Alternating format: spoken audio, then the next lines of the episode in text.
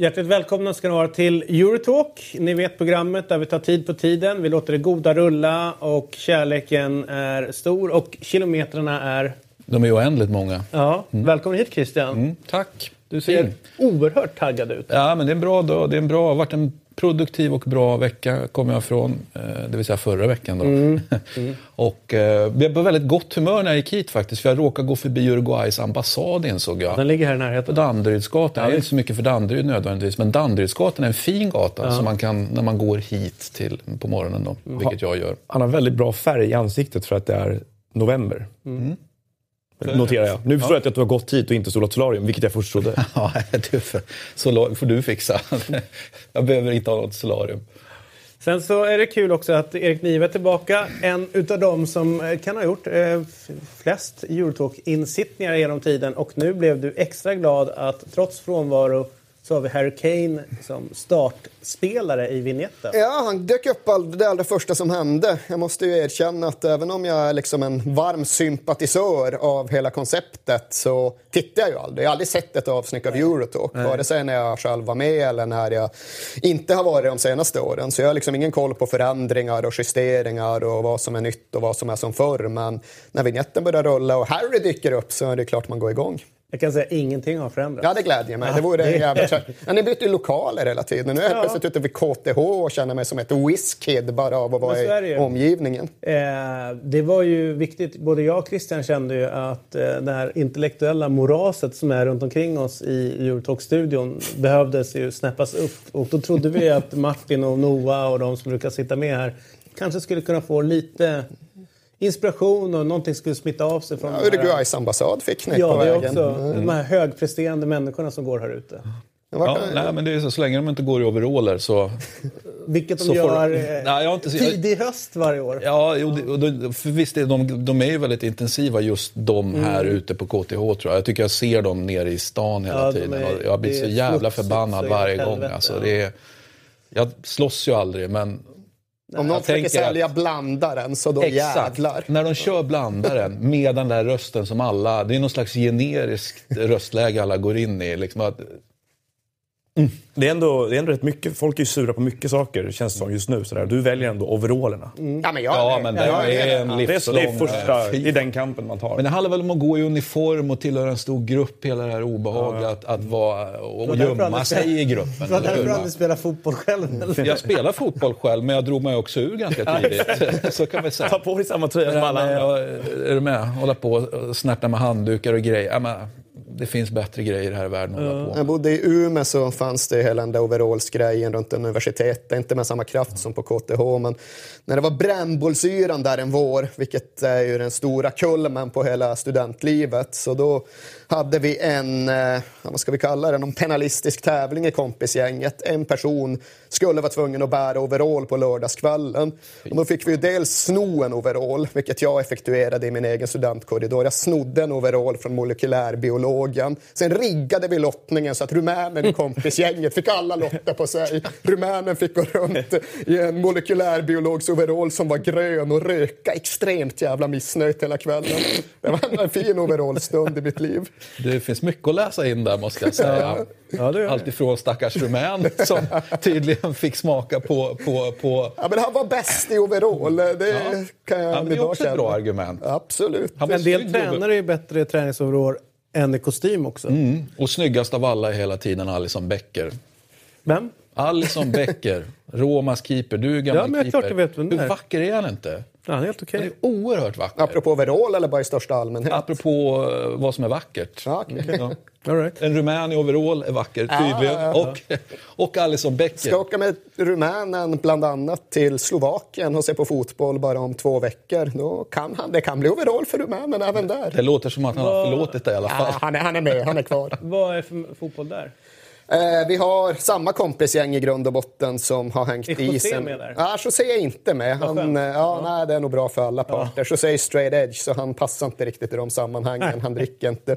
Men vi åker en gång per höst ut i Europa och ser på fotboll. Och i slutet av varje resa så får man nominera nästa resmål. Alla deltagare får helt enkelt lämna namn, äh, lägga namnet på en europeisk stad i en hatt. Och det som dras dit åker vi nästa år och ser på fotboll. Nu ska vi till Slovakien. Se Slovan Bratislava som snittar ungefär 400-500 pers på sina matcher numera. Och se Zelina uppe i norr mot det ungerska laget DAC. Alltså de etniskt ungerska slovakerna. Kan nog komma 3000 på den, så det kan bli en riktig fest. Vilka, vilka, vilka är det mest eh, speciella ställen ni åkt till? Vi har inte åkt, det här blir nog det mest speciella. Jag brukar, senast hade vi två nomineringar var. Och jag nominerade Jerevan och Odessa. Och det var väl inte så att folk hoppades att mina lappar skulle vinna. Men då var vi till exempel i Glasgow, så det är inte så jävla obskyrt som jag tycker att det borde vara. Men Bratislava blev väl sådär lite semi-obskyrt. Ett år var vi i Mainz, bara för att någon hade fått för sig att det är så tråkigt som det någonsin kan bli. Nu ska vi skilja agna från vetet. Nu sätter vi Mainz i hatten. Mainz vann och ja, 60 procent av startfältet bara föll ifrån när vi skulle till Mainz. Ja, ja, det, det, det, var- är alltså inte manggrann uppslutning nödvändigtvis. Nej, det varierar. Vi har bra uppslutning nu till Bratislava. Det blir fan flest hittills. Lissabon var ju liksom populärt och Istanbul är enkelt. Men Bratislava, ja, Mainz, det Det var ju var så fotbollsperspektiv. Jag tyckte ändå läktarupplevelsen där var ganska mäktig. helt okej. Ja, du har varit där. Ja. Ja. nej, det är ju, de har inte någon riktigt tydlig så identitet. Och, ja, ett derby sådär lite halvt mot Frankfurt, men inte så att Frankfurt bryr ihjäl sig. Men staden är väl som sådan. Den är ju trivsam och det är lite studentstämning utan overall och eh, som sagt läktarupplevelsen. som men- är överallt i Tyskland. Det var väl där Ja. Tuchel var tillbaka med Dortmund, så de var extra sura på honom. Han är ju väldigt illa omtyckt där av någon anledning. Jag förstår inte riktigt Du, Jag var faktiskt också där när Tuchel var tillbaka med Dortmund. Eh, De, Nu, förra? Nej, de vann med 2-0 första gången han var Ja, där. var Royce gjorde mål. Ja. Eh, och då var han... Ja, det var precis den matchen, hans första återkomst. Men det var inte så att det var extreminfekterat, men de var lite småsura. Men numera så är det ju Mainz kan jag rekommendera om man vill åka ner och kolla på fina- Robin. Robin Quaison är där nere. Pierre Bengtsson var där på den tiden. Ja, men... visst. Du, vilket är det mest speciella eller udda stället du har varit och kollat på boll?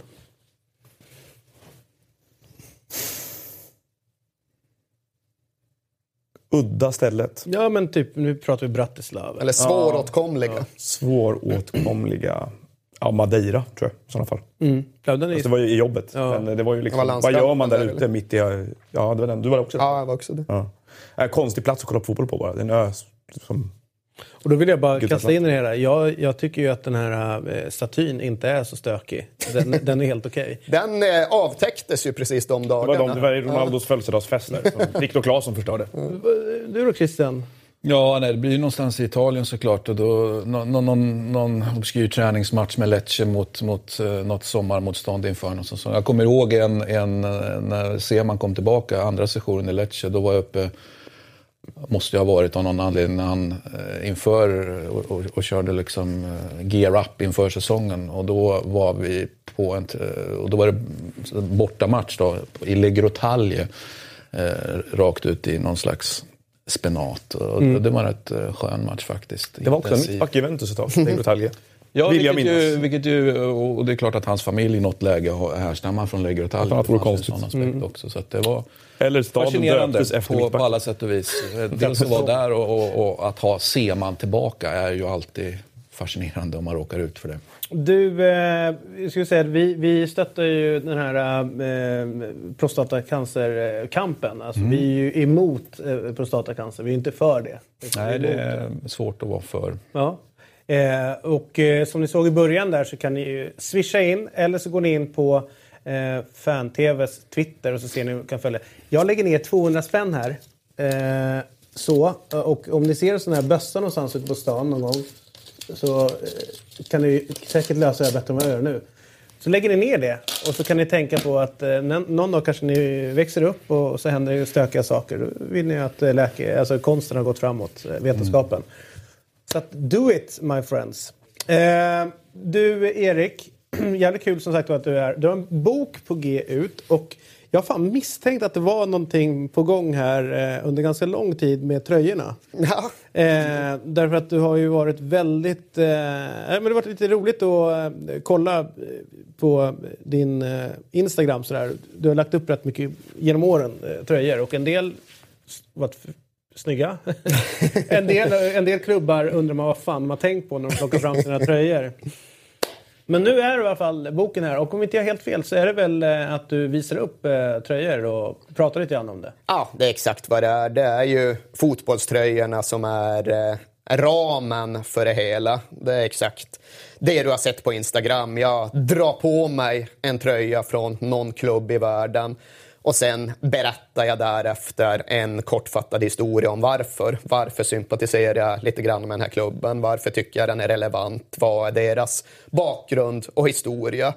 Och det är ju rätt och slätt ett lite nytt sätt för mig att paketera samma gamla berättelse som jag försökt berätta i 15 års tid. Fotboll förklarar världen, fotboll hjälper oss att förstå världen. Fotbollen tar oss till Läggrotalje eller till Madeira eller till vart vi nu önskar förflytta oss. Och ger oss en chans att begripa oss på människorna som bor där och villkoren de kommer ifrån.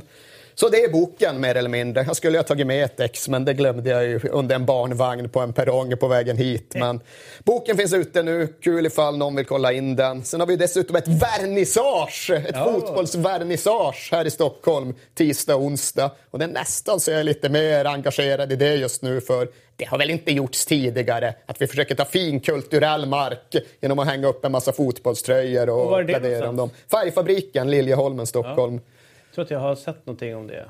eh, faktiskt. Det borde du ha gjort, annars har min social mediala marknadsföring varit alldeles för klen.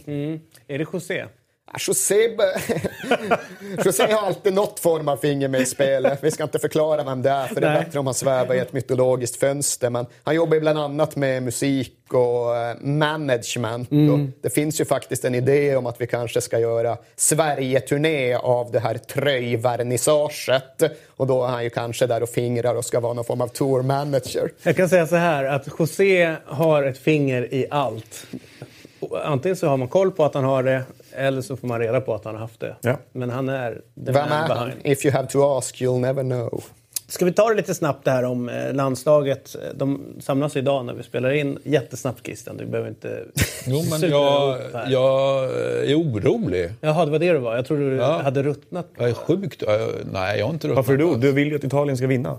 Ja, men jag är jätteorolig ur ett För- italienskt Ja, okej. perspektiv. Mm. Ja, superläge för Sverige. Tyvärr. Både... Herregud. Superläge. Det ska vi inte säga att det är. Ja, men alltså, riktigt bra läge. Inget att förlora-läge. Jag tycker det låter klockrent ur ett svenskt perspektiv. Men fortsätt nu för guds skull. Det var inte min mening att avbryta. Jag ville grimasera bara. Ja. Eh, Christian, du avbryter aldrig. Nej. Du kommer alltid med intressanta inspel. Det är aldrig fel läge för en bra grimas. Eller hur? Det är någonting vi alla kan ta med oss ut i tillvaron.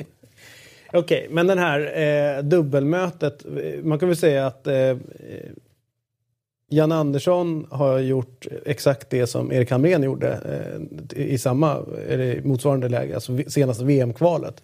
Ta sig till det här playoffet.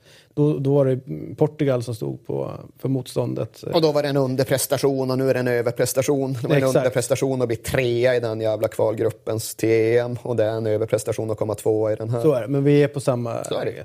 Om man jämför då att ställa sig mot Portugal där och då och Italien eh, här och nu. Mm. Eh, vem har, och, och sett till vilket lag man har att förfoga över. Vem, vem har den mest delikata uppgiften framför sig utav de två? Jag vet inte, men jag håller nog, håller nog det portugisiska landslaget som man mötte där och då som aningen, aningen bättre individuellt sett. Alltså spelarna i det portugisiska laget och framförallt spetsen i Ronaldo. Det finns ju ingen som är i, i den här italienska truppen som, är, som håller den nivån riktigt. Det skulle väl liksom, möjligtvis vara...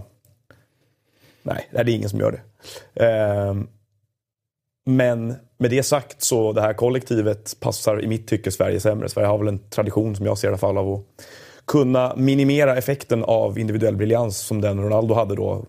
Åkte ner och stängde dem i Portugal va? under Lagerbäck här för med 0-0. Adam Johansson mot Ronaldo. Ja. Sen gjorde ju Jag menar- Ronaldo målet i just playoffet Ja. även i första matchen. Och sprang ifrån oss när Hamrén gjorde den där, den där taktiska manövern vid 2-1-läge där han lyfter upp backlinjen till mittplan med Jonas Olsson och Per Nilsson och sen var det över. Så det, det jag oroar mig för här är ju snarare då att vi har ett lag som är kanske för bra på att självkritiskt reflektera över sina styrkor och svagheter och titta på vad Conte gjorde med dem i, i Frankrike förra sommaren så var det ett italienskt landslag som var snäppet sämre än det här kanske. Som han ställde om till en enhet som, som blir väldigt mycket bättre. Och den, den, liksom, den kulturen ligger ju i italiensk fotboll mycket djupare rotad än vad den har gjort i portugisisk fram till, fram till förra sommaren i alla fall.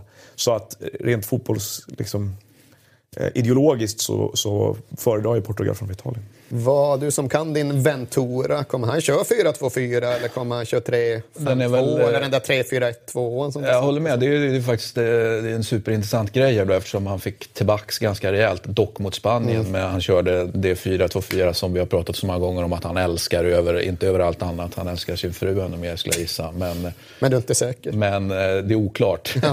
men nu, nu bollar han ju upp ändå för att kunna köra till exempel ett tremannamittfält genom att nu, nu för första gången under Venturas tid är ju Jorginho med. Han har ju inte varit med. Han var ju med under Conte två träningsmatcher tidigare. Nu är Jorginho med. Märk väl, det här är en 27-mannatrupp. Så att den ska ju bantas. Det kan ju vara så att Jorginho faktiskt åker ut. När kan men det den, ska den bantas? Det är inte fattat. Ja, vi får väl se här. Jag vet inte om det är så att det är några skadefrågetecken på några. Va? Men, men, eh, Sverige ser ju också för stor. Tror det kan inte vara så att den bantas på matchdag. Jorginho-utnämningen känner jag att eh, kanske att han ändå kommer med tre. Han kanske kommer med tre här på bortaplan. Eh, alltså mittfältare då. Det som är är att det inte spelar ingen roll hur många du tar ut i truppen nu. Utan det är när man anmäler. Ja, nej, det, är, så är det, ju, det, är då, nej, det är då man liksom mm. trycker ner. Och sen så, vill, i och med att det är de här dubbelmötena så om någon är skadad eller någonting händer eller vet så, någon så, läktas bara. Smack, mm. så har man dem med. I teorin så får man plocka 40 man till träningen. Ja, absolut, det kan du göra. Hur mycket, många som helst. Eh, jag, jag håller med eh, dig där. Jag är rätt orolig för nästan alla de här superlagen som man pratar om, så mycket man pratar om, om den här stora stjärnan, här, den här ska vi se upp för och så. Eh, offensivt så Insigne är jag livrädd för. Eh, jag tycker att eh, han är ju den som har någon form av X-faktor offensivt mm. sett för, för Italien. Men sen så, alltså Chiellini, han, han kan ju manhandla den här stackars Marcus Berg på ett sätt som man inte, som man inte ens orkar tänka på. Och, och liksom hur de ändå är så robusta, liksom ramstarka på det sättet, eh, det här i Italien. Trots att jag håller det kanske att Contes påverkan på, på Italien var större än vad man kanske tror. Eh, alltså Conte fick verkligen det här eh, Italien mm. att trumma igång och han drev på dem något djävulskt. Ja, Tora är ju ingen Conte. Nej, så det jag menar att, att det är... och, det, och jag tycker ju att liksom Conte gjorde, du hade Verratti missade ju, så att det han gjorde med det laget eh, där förra sommaren, det var ju egentligen presentera helt nya versioner av Eder till viss del, var helt fenomenal de flesta matcherna. Graziano Pelé, som vars karriär pikade under två veckor. Eh, du hade Jackerini som var en av de bästa i varje match Italien spelade. Ytterbackarna var väl eh, De Chilio och, vem var det till höger? Darmian. Ja. ja. anyway, och de satte inte en fot fel förrän de åkte ut på straffar. När Sasa satte en, en fot fel, helt fel läge. Så var det liksom... Satte knappt ner fot. Nej, exakt. Nej, men så, så jag menar, så här, då han, där plockar han ut rollspelare. Det är inte så att han tar...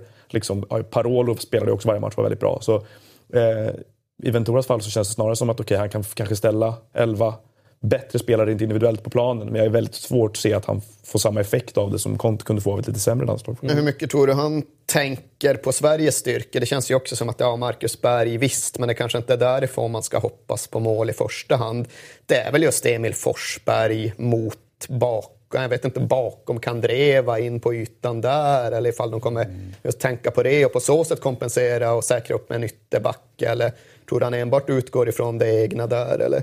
Ja, jag, jag, jag tror att han har stor... Alltså, min utgångspunkt är alla, varenda italiensk så att säga, tränare jag råkar prata med, varenda italiensk sportchef jag pratar med har en enormt stor respekt för svensk fotboll och svenska fotbollsspelare. Så även Ventura. Så jag menar, man, man tänker att de, ja, men de bryr sig inte så mycket om Sverige. De bryr sig absolut om Sverige. Sen om, då, om de om, om det blir att de bryr sig för mycket om Sverige, det, det, det, det, tror jag väl kanske inte nödvändigtvis. Men för mig är det uppenbart och för alla andra också att det, det här är ju första gången, eller inte första gången, men i alla fall hyfsat modern tid. Det finns ju väldigt varför fick han jobbet Ventura? Med all respekt för Ventura, en fantastiskt trevlig person och allt det där. Eh, och en duktig tränare. Men varför blev han förbundskapten? Det är liksom ingen som riktigt har för, förstått varför han blev det. Det är en konstig utmaning. Eh, kanske man kan kalla den för politiskt korrekt, liksom, för att han var en sån gammal, eh, dels en gammal trotjänare, inga skandaler. Eh, hade man varit lite mer mm, ska jag säga, konspiratorisk och tänkt att, att det Torino som man då tränade, att Kairo hade varit lite mer, som är president och ägare då, varit lite mer potent och ville byta ut sin tränare så hade man kunnat tänka sig att ah, men och så lyckades han lösa den eh, kontraktssituationen genom att trycka in honom i landslaget så han slapp sparka honom och spara pengarna. Men nu är inte Kairo heller så potent, eller han var i alla fall inte det då, så liksom den förklaringen funkar inte där heller. Så att det är ju ett konstigt, eh, han är ju ingen världstränare på det sättet. Det är en mycket bra tränare, men verkligen. Han har, fått, han, ju... han har fått väldigt mycket kritik också för det sättet som de har spelat på sedan han tog över. Ja, det, det är det här 4-3-4 va, som han och, och Conte och det där gänget som, som de tillhör. Så de älskar ju det. Va? Mm. Ja, Spanien var ju en jävla smäll. Just att de överhuvudtaget inte var nära där. Och ja, på något sätt gjorde Spanien bättre. Ja, faktiskt. Det kändes ju lite... utgå från att ja, de kan alltid dra ner en mm. motståndare. Men där gjorde de ju Spanien bättre. Liksom. Det känns ju som att det känns igen från Prandellis fall lite grann. Gör inte det? Den där EM-finalen där mm. han skulle spela spansk fotboll mot Spanien lite grann och det blev pannkaka av alltihopa. Och sen så att man gjorde någon sorts reträtt till det här mer klassiskt italienska efter det. Men jag har en, eh, får jag testa en liten teori på er att eh, under, under Hamrens era så blev vi betydligt bättre som, som lag, landslaget, mot de sämre lagen. Eh, men betydligt sämre mot de bättre. Men att med Jan Andersson nu så är vi nästan tillbaka till det som har varit, som har varit svenskt. Att nu har det inte varit så kaosdåligt mot de, mot de sämre. Men att vi har blivit betydligt bättre på det sätt som vi spelar mot de bättre lagen. Och att, att nu när vi möter ett, ett på pappret bättre lag, att att jag hade varit mer orolig med Hamrens taktik och taktiska upplägg än vad jag är med, med Janne Andersson. Ja, och det, sättet som, det, det, känns som att, kolla bara matcherna vi gör mot Frankrike, mm. de två. Det är ju två briljanta fotbollsmatcher. Jag skulle nästan, Bortamatchen är bättre. Exakt, bortamatchen är nästan bättre än vad hemmamatchen är som vi vinner. Och när man pratar med dem så säger de så här, vi lär oss jättemycket från matcherna mot Frankrike. Och egentligen så är det strunt samma om vi möter Italien eller Frankrike. Vår matchplan kommer nog bli likadan i de här. Där är, där är man ju orolig för det just här. Just det här vilken, vilken attityd går Ventura in i den här matchen med och vad gör han för analys av vad Sverige kan göra? För att det vi hade liksom, nytta av mot Frankrike, ja, det var att Deschamps Eh, Frankrike som jag väldigt sällan ser hänga ihop. Jag tycker inte de spelar speciellt bra. Nu fick han förlängt kontrakt och det är väl den här EM-finalen som han gick till som de får motivera det med. Men det blir väldigt ofta det här individberoendet i anfallsspelet. Det blir väldigt lite mönster. Eh, de kan se ganska fragmenterade ut på mittfältet. Men de har Moussa Sissoko. De har Moussa Sissoko. Eh, och då är det ju kört i slutändan ändå. Han är snurrfinter framförallt. Eh, men, nej, men det blev väldigt mycket det här, lägga väldigt mycket ansvar på Pogba och han trivs ju inte i den situationen att få liksom för mycket frihet heller. Och så där. Så, där hade man det att räkna med. Om man har en tränare här som är, som, om Sverige möter ett Italien här, som inte gör på samma sätt. Det vill säga som är smartare i sin approach. För att det kan ju ge Holland i första mötet med Holland också under Janne att Eh, nu var ju de klart bättre än Sverige den matchen, också Jannes Anderssons första landskamp. Men att det var också ett holländskt landslag lite utan styrning, lite utan ledning. Och eh, det som kan vara emot oss här är att om Italien kommer med tydlig styrning, tydlig matchplan, tydlig led, sitter ihop lagdelar och sådär på ett bättre sätt än vad Frankrike har gjort i båda mötena med mm. Sverige. Sen är det också jävla trixigt, dubbelmötet, börja på hemmaplan. Mm. Vilket resultat ska man egentligen gå för i första matchen? För ja, gruppprestationen i all, all ära.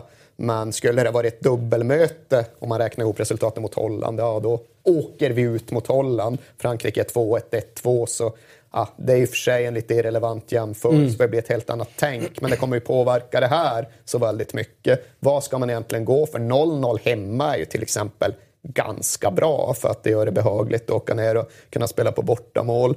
Eh, Ja, det är väldigt svårt att veta vad Sverige är det bäst med börja, Visst är det bäst att börja borta? Statistiskt är det ja, klart bättre det, ja. att börja borta och avsluta hemma. Och hur är det med straffar? Det är bäst att börja... Skjuta först. Exakt. Ja. Det är därför försöker motverka med ABBA-systemet ja, och allt det. där. Ja. Och sen är det här som vissa har påtalat nu också när den här truppen kom förra veckan att eh, det är tyvärr några spelare som har haft en ganska knacklig start på sin säsong. Alltså formmässigt och i klubbar och det är bänkningar och det har varit lite skador. Ja, men det är skraj för centrallinjen faktiskt. Mm. Och framförallt det känns som att jag för mig i alla fall så hänger väldigt mycket på Albin Ekdal. Alltså jag, jag har svårt... Nu, menar nu spelade han hela helgen, eller hela matchen helgen ja, och gjorde han bra. Gjorde. Ja, och han ska ju må bättre säger Jan Andersson. Men jag, jag tycker att det har synts i de matcher han inte varit med att vi förlorar en stor dimension i uppspelsfasen med honom. Och han har pratat mycket om att mot de här bättre lagen kunna spela förbi första pressen. Och att vi har väldigt svårt att göra det. Jag menar, det, det, det finns väldigt mycket bra saker att säga om vad Sebastian Larsson har gjort i det här kvalet och Jakob Johansson också. Men vad de inte har gjort är att just kunna lätta på, på, på trycket med hjälp som uppspelspunkt på mitten. Och det är Albin Ekdal väldigt bra på. Visst är det frågetecken för Jimmy Durmaz också? Har inte han varit skadad? Och... Som också har visat sig lite svårare att ersätta än vad vissa kanske ville mena från början. Det har inte varit så himla bra där ute med Viktor Claesson till exempel. Mm. Ah, ja, vi, eh, vi släpper landslaget eh, och... eh, Fan, Det blir ett cirkelslut, för visst är det så att Buffon först spelade i landslaget i förra, Italiens förra playoff. Playoff, ja precis. Inför, där i Ryssland. Ryssland. Och det var VM 98. Det är ett tag sedan. Men jag tycker man ska se ur ett svenskt perspektiv här. Alltså, det är mycket prat om att ah, men Sverige har så bedrövlig statistik mot Italien, bla bla bla. bla. Jag delar inte alls den uppfattningen. Om man tittar på, så länge jag har tittat på... Statistik, du, det, vi har fel statistik framför oss. Ja, man, men man vänder och vrider på statistik och tolkar den Jaha, på olika sätt. Men alltså, jag- alltså, så länge jag har, har brytt mig om den här fotbollen och, och italienska landslag, om man tittar från 83 och framåt när vi mötte dem i, i, i, i, i, i kval då också. Sen mötte vi dem inför EM och så Mm. vidare och så vidare och så vidare och så vidare. Det är ju rätt genomgående hyfsat bra svenska eh, prestationer med något enstaka undantag då kanske i slutspel. Fast en bra grej i Portugal, EM och så vidare. Så att jag, jag tycker Sverige ska gå eh, Sverige ska gå med gott mod in i det här. Och, och absolut känna att man inte har något att förlora. Det är ju det som är nyckeln såklart. Den är väl, ja, statistik är väl tyvärr, man gillar ju statistik av alla slott, eh, sorter och slag men på landslags, eh, i landslagssammanhang är den väl ännu mindre relevant än den ibland tenderar att vara just för att det är helt olika upplagor och det är klart att man kan ta med sig någon nedärvd respekt eller till och med skräck för en fotbollstradition men hur gärna jag än vill så kan jag inte riktigt se att just relevansen, vi skickar fram Peter Larsson som stötande mittback 85 jag tror inte det har jättestor bäring på dubbelmötet nu liksom. Men eh, Nej, men, nej, men, men, eh, jag, Men lite tänker du? Men det, Men det, jag, ja. det jag Men menar är, kontentan hela tiden där är ju att allt ända från, från eh, så att säga, de här grejerna på 80-talet så är hela tiden där, inför vartenda möte, om det var dubbelmöte eller, eller sedermera enkelmöten, det ju precis det här, ah, men vi har ingen chans. Vi, vi är med, det här, men det här, vi är Italien, Nej, är världsmästarna. Vi kan, är med, vi kan, vi kan ställa ut England skorna, vi har ingen förlust sen chans. 60-talet och då jävlar liksom. Men du, Och då menar jag, det har aldrig varit så. Det har inte blivit några italienska utklassningar. Det har blivit uddamålssegrar. Vi har utklassat, eh, det vill säga Sverige då i det fallet, utklassade ju en gång i tiden eh, de på, på, i Italien till och med. vad blev det? Visst blev vi 3-0? på- Vad blev det? 3... Exakt, och Håkan Sandberg och fan och hans moster bara Uffe, levererade. er, Uffe Erikssons dubbeltunnel och så försöker han få en tredje tunnel eh, som inte går Ja, då var det Bayern. Då var, Då det, var det- klacksparkar Ja. och tunnlar i Bayern. Ja, det svänger Vad- de, var då svängde de landslaget alltså. När, Vad var det för jävla plan som vi aldrig sköt de där målen på? Det är Neapel. Ja, det det är var det. fantastisk match. Dubbel. Eh, han gjorde ju två Ja, mål i den volley matchen. grejer. Min absoluta favoritlandskamp genom alla tider för övrigt. Oj! Ja, men, jag menar Stora verkligen ord. det. Ja. Ja, men shit Då vad bra ska- det var. Och du har marinerat det här också? Nej, men det här, är- de som följer mig vet att det här är en favorit. Liksom. Bra på volley. Svensk kommentator, Bosse Hansson och Liston Söderberg. Fantastisk sändning. Du som jobbar på SVT kanske kan plocka fram det här. Jag har den på VHS, men jag, i något läge börjar med en VHS-spelare tugga lite. Så att jag, är lite or- jag vågar liksom inte peta in och köra igen. Jag trodde från början att du ville att Fjäll skulle lobba för att ta tillbaka listan. Ja, det får han jättegärna göra också. Jag vågar inte ens tänka vad han kommer kalla mig för. Fan ringer du för din jävla... Ja, ja, men... Eh, Han var ju hård. Han var ju hård. Bosse också. ja, Bosse också.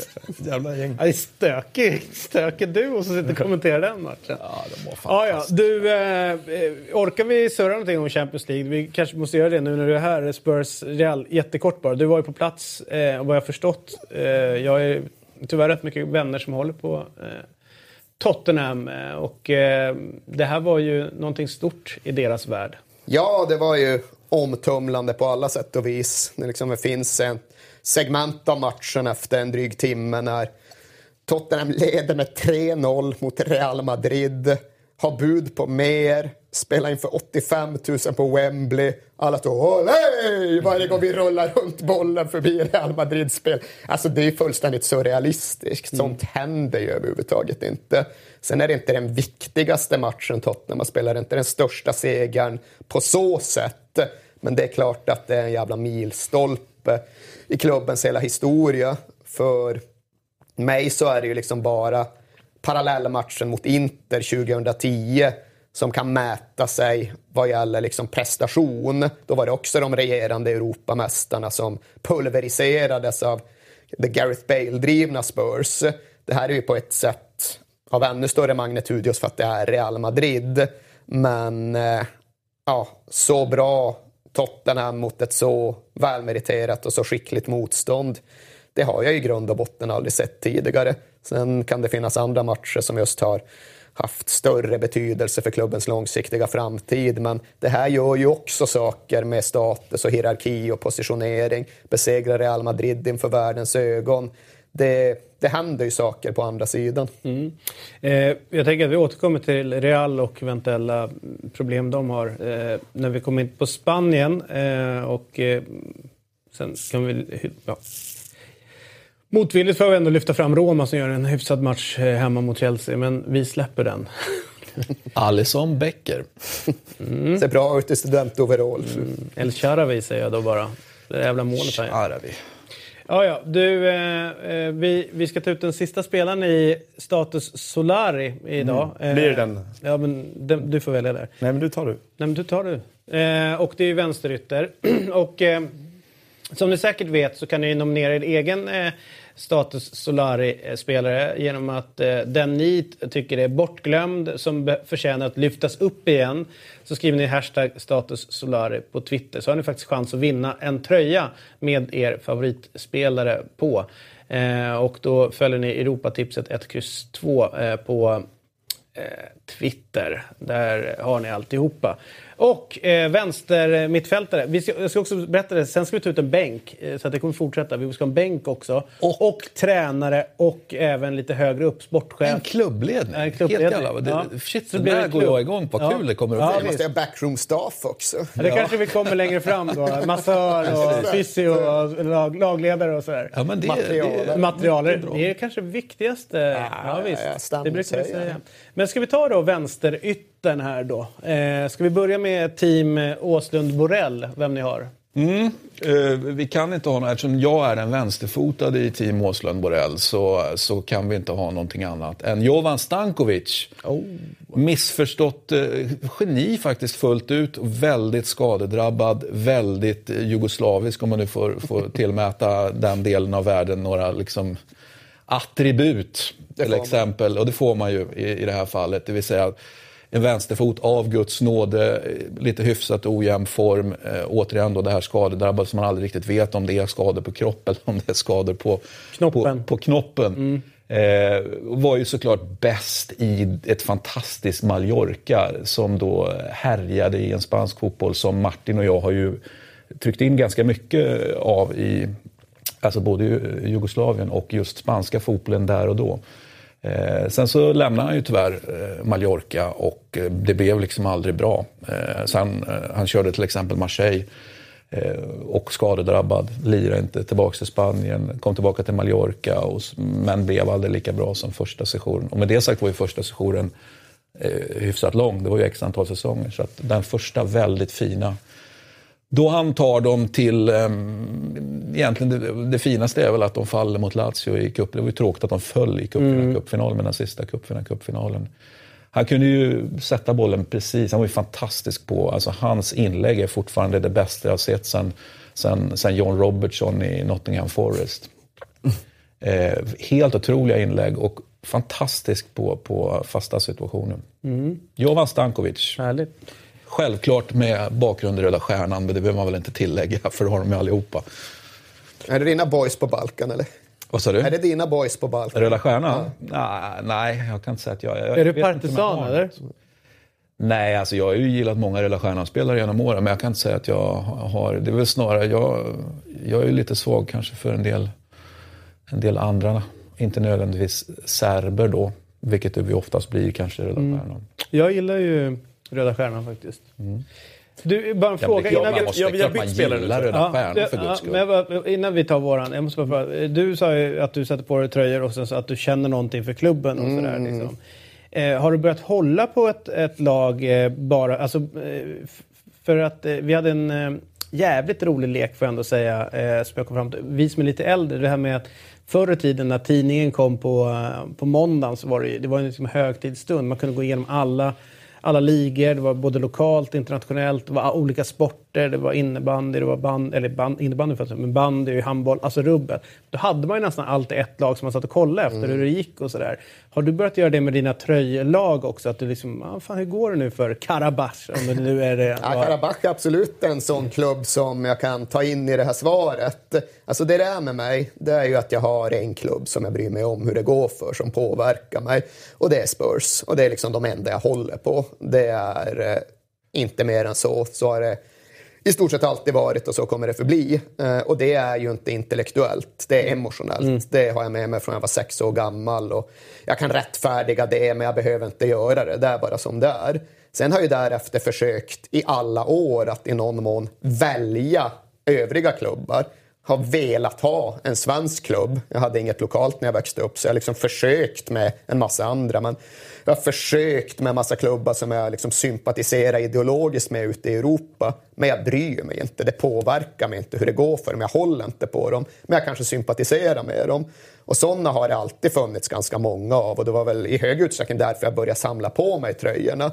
Sen har det blivit att ju mer jag samlar på de där jäkla tröjorna så har jag upptäckt fler Karabach-lika klubbar. Oj jävlar, här finns det en satans story i något hörn av världen som jag kanske inte kände till tidigare. Då drar jag på mig Cerro Porteño från Paraguay för att Såklart. jag har upptäckt dem. Ja. Liksom. Och numera är det väl så att det finns en jävla massa fotbollsklubbar som jag gillar och uppskattar och i någon mån till och med sympatiserar med. Men jag håller ju inte på dem, jag bryr mig inte. Men jag tycker av någon anledning om dem. Och det är de tröjorna som jag samlar på. Det är de jag liksom plockar på mig och i slutändan även drar på mig. Och sen finns det ju en skara som är diskvalificerade som jag känner instinktiv motvilja mot och aldrig skulle dra på mig. Och det är i grunden de som är för rika och eller för framgångsrika. Sen är det de som kan bli diskvalificerade av ideologiska skäl, fotbollsmässiga eller mer historiska. Röda Stjärnan till exempel. Jag skulle inte dra på mig den tröjan. Med Varför inte? Äh, juggekrigen. Det är för komplicerat med juggekrigen och Arkans tigrar och allt det där. Och sen finns det en extrem massa grejer med Röda Stjärnan som är värda att beundra. Det är en fantastisk klubb och liksom Europacupplaget från motsvarande era nästan är ju oerhört.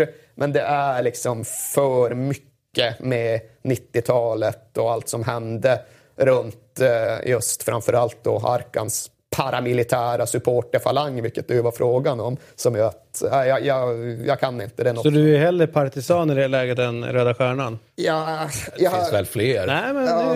det, låt mig få spetsa ja, till det lite ja, grann, för det är de två som är rivaler. Ja, den serbiska grejen är ju komplicerad. Jag, skulle, jag, jag snackade med Bojan igår, jag satt i studion med mm. Bojan igår och Bojan är ju Röda Stjärnan så det stärker through and through, ja, verkligen. Har ju spelat där. och och jag har inga som helst problem att se hans perspektiv i saken. Men han är ju bara, vad fan, jag ska fixa 32 serbiska tröjor åt dig. Det vill ju 32 Röda Stjärnor-tröjor. Men jag, har, jag brukar ha, liksom, jag har ofta en handfull från framförallt östeuropeiska nationer. För de brukar jag vara förlåtande mot. Men det serbiska är svårt för mig. Jag vet inte, kanske liksom känt för många krigsflyktingar från Jugoslavien och lyssnar lite för mycket på deras historia. Så faktiskt är den enda serbiska tröjan jag har den bosniska, alltså bosnisk-muslimska mm. klubben Novi Pazar. Och det är inte heller någon okomplicerad klubb. Det finns sannoliken anledning att vara ideologiskt misstänksam mot dem också.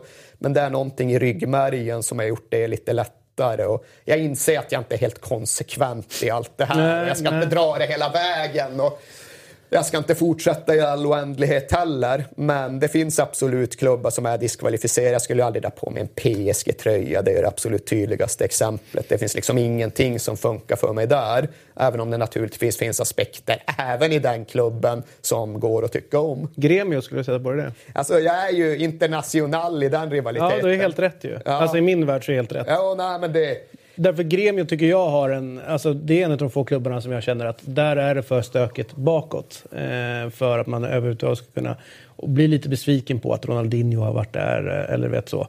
Eh, där, med tanke på liksom, hur den klubben och fortfarande ändå är. Liksom, hur de ser på det. Sen är jag också, jag blir, det inser jag också, det är jävligt klyschigt och det blir, man blir karikatyr på sig själv. Men som, där har jag ändå varit i Porto Alegre, jag har varit på de arenorna jag har sett fotboll där. Det har jag väl en relation till. Men det finns ju rätt många stora fotbollsstäder i andra delar av världen som jag inte har varit i. Till exempel, bara nu i helgen så eh, sög sig ju ändå in av att Wydad från Casablanca vann Afrikanska Champions League. Jättegrej. Jag har tyvärr aldrig sett fotboll i Casablanca men det är en otrolig grej med kraften på läktarna där just nu. Och det är klart, jag har en klubb i Casablanca. Jag håller absolut inte på dem. Men jag sympatiserar ju med Raja för att det är folkets lag någonstans. Mm. Wydad lite mer från aristokratkvarteren då. Och det där är det ju alltid. Är det mellan en eller två klubbar i en större fotbollsstad, jag dras ju mot det som traditionellt sett förknippas med folkets lag. Men, men med PSG så tänker jag, för att eh, jag hörde att du var med i en diskussion om det här nyligen också. Det lär ju vara en av de absolut mest sålda matchtröjorna i Sverige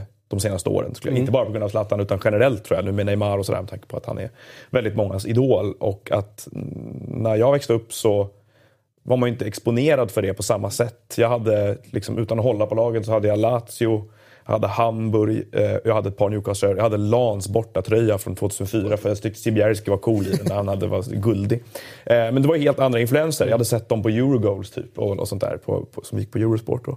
Eh, men medan idag så känns det som att nästa generation som, som jag menar eh, eh någonstans bestämmer sig för en matchtröja, det, det, är ju långt mer du är långt mer utsatt för ett eh, riktat marknadsföringsbudskap från vissa klubbar, från en mycket mindre skara klubbar. Att, jag har svårt att säga att speciellt många födda eh, 2001 i Sverige kommer köpa Lans bortatröja till exempel. Mm. Och att, eh, inte för att glorifiera mig själv då, men att, men att eh, det, är en annat, det är en helt annan marknad på något sätt med, jag tror med fotbollströjor. Jag tror ju alltid att det kommer finnas de som är som jag har varit och som jag inbillar mig att du också har varit. Man vill dras till det lite udda och det, lite, det som inte är det självklara. Sen tror jag just att det där förklaras i utsträckning med att det är ju barn som konsumerar matchtröjor. Mm. Jag inser ju att om man som någorlunda vuxen människa sitter och pratar om matchtröjor då på sig, man skaffar sig inte så många kredibilitetspoäng. Det är inte Nej. så jävla mycket coolhet förknippad med det utan det är ju barnagrejer för det mesta. Och det är klart, 7-8-åringar, de är ju lätta byten för PSG-maskineriet. Så är det ju tveklöst. Du, eh, intressant. Eh, så, så det förslår. Och vi bytte bort våra två franska vänstermittfältare här nu ja. till Claudio Lopez istället. Ja, bra. Som ju bra. ofta huserade till vänster. Ja. Och då, eh, för mig blev det väldigt mycket en, en Lazio-koppling med mm. honom. Eh, han kom väl dit från Valencia om jag inte missminner mig helt. Men är du liksom Lazio i någon Nej, jag kan, inte, jag kan väl bara påstå, säga att... In, Diskvalificerade från min tröjsamling for obvious reasons. Ja, liksom. ja eh, och så, ja. jag skulle ju ha i vuxen ålder väldigt svårt att förstå vad jag dras till mer än att jag där och då såg dem på TV med Signori i laget, minns jag. Någon gång. Var Gessa eh, där? Nej, var, jag lärde mig att han spelade där efter. Vilket ju förstärkte känslan av att det var ett coolt lag att ah. hålla på. Eh, men jag höll, jag höll aldrig på Lazio så tillvida att jag liksom inte... Ja, upp i tonåren någon gång. Men sen så jag har ju bara Newcastle också som jag kan säga på samma sätt. Och men var det Newcastle då så att det just, oj, har Gassa spelat där, vår kille, away the lad? Liksom, det var mycket saker som häng, hängde ihop. Ja, Ja, det, var, det, det, förstärkte känslan för Lazio när jag började förstå Lazio, alltså, vem som har spelat i Lazio mer. För början är det bara en tröjfärg mm. och en match på TV. Liksom. Eh, men jag har ändå den där, eh, och så var Svennis där också, kort, var 2000. Spelar du 12 år. svenska kortet? Herregud. Ja, men det, var, det, det, det, hängde ihop och så vann de och så, var det, och så hade de Casiraggi, minns jag också. Och som sen gick till? Chelsea. Var han inte där innan? Nej, han kom dit efter. Anyway, mycket spelare, många spelare alltså här, och saker som hängde ihop då. Och sen så förstår man till exempel då den politiska dimensionen med Lazio, vilket ju diskvalificerar dem på ett sätt som ja, väldigt få klubbar diskvalificerar för mig. Men, eh, så att, eh, nej, det var inte någon, det är inte någon intellektuell dragning till Lazio på något sätt, utan snarare emotionell. Claudio Lopez. Härligt, bra. Då ställs ju Claudio Lopez mot eh vem fan var det du hade? Det var så långt sen. Jovan Stankovic. Stankovic var det. Jovan Stankovic. Fan, jag är så nöjd med vårt centrala mittfält Noah. Jag kan notera att ja. Jody Morris, jag kan ana vem som har nominerat honom. Ja, alltså så jävla underbar. Men han är fortfarande en roll i klubben. Ja, han, han är ungdomstränare. Ungdoms, ja, och vinner varenda jävla år, år med... Eh, och sen skickar han till Vitesse allihop. Ja, som jag nu har börjat hålla på. ja, det är klart. Ja, en Vitesse-tröja hemma. Ja, jag ska köpa en för jag ska åka ner dit och kolla på en hemmamatch tillsammans. Och det heter inte Vitesse utan det är Fitesse. Ja, okej. Okay, jag tar det. efter. eh, och du bara skrattar. Det är mycket snack om Vitesse. Ja, det är på samma sätt. Bara kryss igår mot Svolle. Fast Spelar Erik Israelsson för Svolle? Ja, ja det gör det han väl. Ja, grejen är att den här som vi pratade om tidigare som är med i kompisgänget som åker på resor. Rumänen? Han, nej, inte rumänen. Han som nominerade Mainz. Ja, Pröjsaren. Pröjsaren, ja. Han eh, är även Hammarby. Så han liksom funderar nu, vad fan ska jag nominera nästa gång? Ska fan nominera Svolle? Han ska skriva Svolle på lappen. Annars han ska jag, dit och Erik på riktigt så Israelsson. kan jag rekommendera att ni nominerar Fitesse och, och åker ner till Arnhem.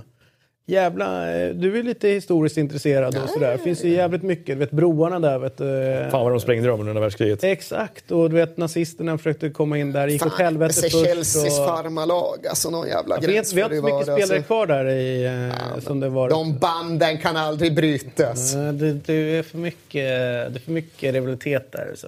Spännande i alla fall. Eh, jag Lopez mot... mot eh, Stankovic. Stankovic där, ja. Precis. I slutet eh, så kommer vi lägga upp en live-omröstning här. Europatipset, jag kan säga så här, jag spelade en egen rad igår. Fan vad det gick bra ett tag och sen kom den där jävla Everton-matchen. Ska vi kolla hur det gick för oss då i Europatipset? 11 på fjäll! Fick jag tid? The comeback kid säger jag bara. Ja, lite så. Vad sa du? Ja, lite så med tanke på... Ja, men jag sa ju vad är det, jag, Vad hade ganska, kiddat. ja, jag hade ganska hög svansföring i programmet. Och sa att nu ska jag börja köra på riktigt. Jag har bara skojat lite grann tidigare så. Ehm, jag kan ju säga att jag hade 12 rätt på mitt egna tips. För då behöver jag inte sätta det singelkrysset som jag på match nummer två där. Det någon sammanställning här eller? Ja, det kommer. Jag, jag vann, innan du ser sammanställningen. Jag vann förra året, så jag gör ju ett, en Chelsea. Vinner ett år, Imploderar. imploderar och, och vinner nästa. Interna Ja, konflikter och exakt. grejer. Ja, det är stormigt nu alltså. Shit going on in my head som jag inte kan kontrollera. Ja, jag det- hör dig, jag hör dig. Men eh, jag får väl se att den här mellansäsongen jag har nu, det är eh, 11 rätt nu ungefär som att Chelsea vinner mot United. Eh, det behöver inte betyda någonting. Det betyda allting. En dödsryckning. Ja, så är det. Eh, jag är ju extremt nöjd med att jag också satte samtliga allsvenska matcher. Eh, Det är ju snyggt. Ja, det- Om man har ett program som heter 352. Exakt. Jag noterar att Noah inte gjorde det. Eh, det här med Everton är ju... Där förtjänar ju både jag och Martin och Gusten tecknet mycket mer än vad du gör egentligen. Varför det?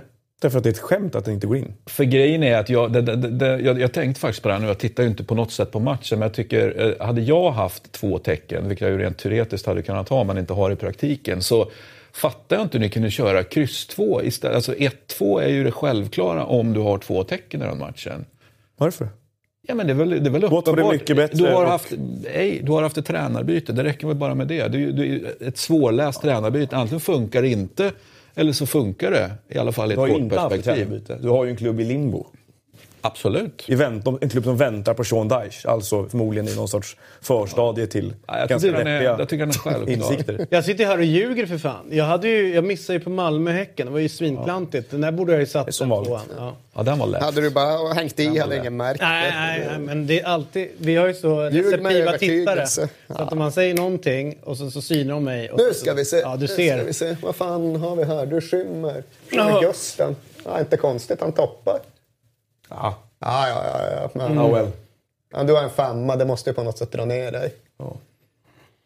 Ja, alltså... Vad, finns det något pris i potten här eller? Nej, det är svår ära. Jag är ju regerande mästare. Eh, Vill du, eh, vill du säga någonting om Gustens bild? Ja, alltså grejen är att jag fastnar faktiskt med för Noahs spel. Bra fluff måste jag alltså, Så ändå hade jag inte inhyrd fotograf som mannen till höger. Nej, den är oerhört Gusten, alltså, proffsigt, innan vi eh, ska göra det här, då ringer han in och så säger han så här. Du, eh, jag fixar en egen bild. Drar iväg till en jävla fotostudio, sminkar upp sig, sätter på kostymen, fixar håret. Han klippte sig på morgonen innan. Ja. Och sen så tar han bilden, och skickar in. Hur mycket skulle du säga att han har investerat ekonomiskt i den bilden? Jag skulle säga att det är 10 lax. Och det där är den exponering den har fått. Yes. Kostymen är klippt. Ja, Och Ja, de sponsrade här. 30% av stylistfakturan efteråt. Vad sa du? De sponsrade ändå 30% av, för att det var synd om honom. Exakt, exakt. Så att 3000 gick vi in i det. Fan, points for effort ändå. Liksom. Ja, ja, den, är, den är bra den där. Eh, och eh, just att han var, vad heter han, Roy och sonen liten i, i eh, Hornstull och fixade skägget. Ja, det är också. Jävla lyster, det får Ja, man det lyster säga. som eh, inte går av. Men det är härligt ändå att han... Ska jag säga att det här kan ha varit världens längsta intro? Ja, det här introt. Ja. Det hoppas jag. äh, Alltså, vi, har, vi har gjort väldigt många långa intron. Vi har ju en historia av det. Ja. Eh, Tack gode gud för intron. Ja. Oftast mycket skönare än en. Det där inne. Ja, exakt. Det här är dina två eh, käpphästar. Mer intro och mindre fotboll. Ja men exakt, va? det är ju precis som många säger så här, men kan ni inte börja spela in program som inte alls ha- handlar om fotboll? Det, vi tycker jag, ja men det är klart. det. A show about nothing. Ja. Skulle det kunna vara något? Ja. Precis. Ja. Ja, Ska vi göra det? Ska vi sätta oss här någon gång och prata om Allt annat. allt annat än fotboll? Ja, men fortfarande kalla det för Eurotalk. Ja men det tycker jag. Ja, det finns ju en, en spin-off liksom. Vi tar oss till England.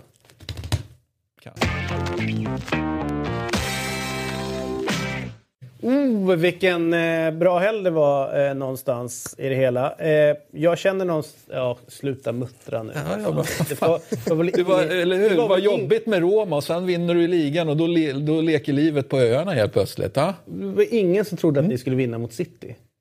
Nej, Nej, därför kan du inte sitta och muttra över det. jag har ingenting med det att göra. Det känns ju ändå fantastiskt. Jag sett nu har jag bara varit här någon enstaka gång de senaste fem åren, men på den tiden jag fortfarande var med regelbundet för fem år sedan, så vet jag exakt hur det lät en vanlig måndagmorgon efter en Wenger-helg. Ja, ja. hänt så Nej, jävla nej, mycket med det. exakt. Nej, det, det, det, lagt, kallar- lagt kort ligger. Han kallas fortfarande för monsieur. Men du, ska En grimas är aldrig fel i det här läget. Eh, Nej, det, jag, jag känner att vi någonstans... Jag tror att jag skrev i någon, eh, i någon eh, grej till dig om, eh, om Pep Guardiola. Ja. Och det var ju, de mötte eh, Napoli i veckan. Ja. Och då... Och sen har man ju suttit och kollat dem nu och jag har ju fast i det här torsdagsprogrammet att Pep börjar segla upp i min värld, i min bok, som kanske mest betydelsefull, eller i, i, alltså i det jag har sett, i, i, i fotbollen totalt sett. Alltså, han börjar nästan notcha upp på, på en Cruyff- Cruyff-nivå. du var ännu tydligare i torsdagsprogrammet för då var det genom alla tider Ja, vill det är jag det. minnas. Ja, och det är det. Ja. Ja, att genom det- dina tider Ja, då. min, det är Ja. jag som jag ser på fotboll. Dels eh, så följde jag honom väldigt noga som spelare och blev ju fascinerad över det sätt som han, hur han spelade fotboll och tänkte fotboll. Och, eh, och ja, var det sammanhängande navet som, eh, som spelade i ett väldigt bra och fint Barcelona. Men sen kan jag inte, jag kan inte blunda för det han håller på med som tränare. Gå från eh, B-lag eller U-lag och, och gör det, det han gjorde med Barcelona där och då. Sen kan folk hävda, men kolla vilka spelare han har.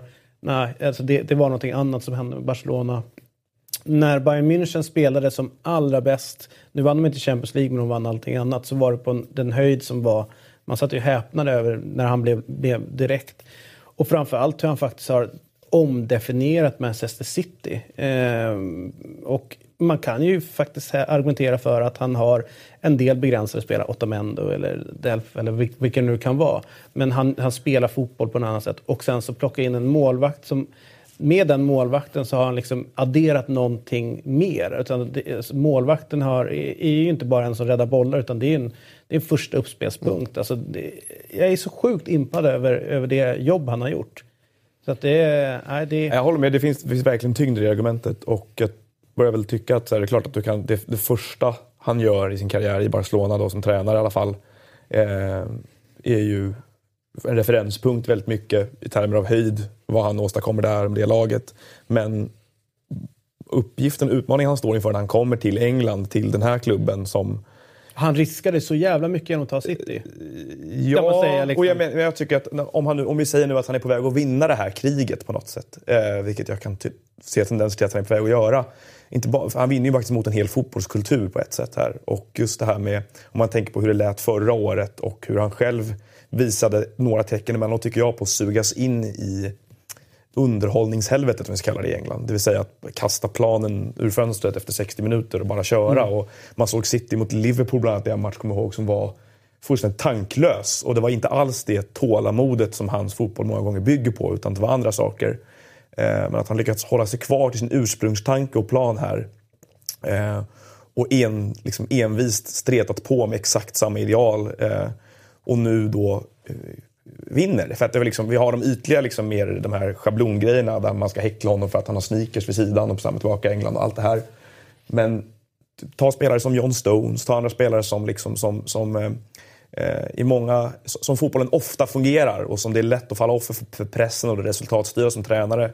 Så hade ju Stones inte blivit, fått, fått chansen att utvecklas ännu mer som man har gjort under Pep till exempel. Och, eller det här laget, eller att man har jobbat på med samma idéer och, och, och justerat saker och ting fram och tillbaka. Så att, att han vinner, vinner mot kulturen är nästan det största steget. Ja, det är ju väldigt relevant att dra parallellerna till Cruyff. För det är klart att det går en väldigt, inte en rät linje, men en tiki-taka-triangel mellan de två. Och Cruyff mässar ju alltid själv om det där på det sätt han gjorde. Att ja, ja, även om inte Holland vann VM så kommer vårt arv ändå att vara det som får rätt av historien. Och ja, det får man väl ändå säga att så har det blivit. För så mycket minns vi ju inte, så mycket lär vi oss inte av det västtyska laget som vann VM 74 eller FC Bayern som också vann Europacupen tre gånger i mitten av 70-talet.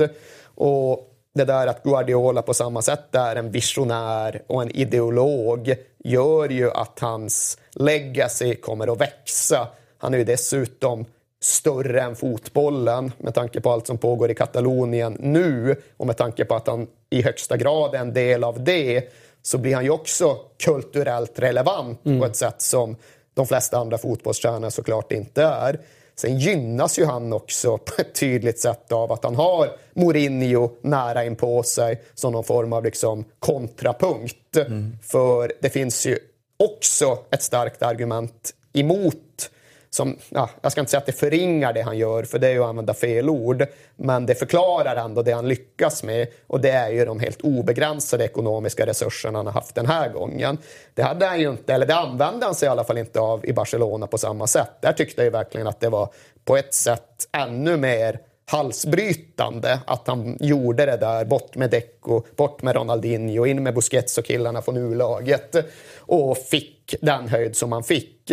Här står han ju ändå bakom några av de absolut mest eh, ekonomiskt lukrativa transferfönstren som fotbollssporten någonsin har haft. Och då kan man tycka att det vore väl tusan om det inte blev verkshöjd på det. Men då kan man ja, men kolla på andra sidan stan då. José Mourinho har i stort sett spenderat lika mycket och det blir ingen historisk fotboll av det. Det är ingen kulturrevolution vi kommer minnas.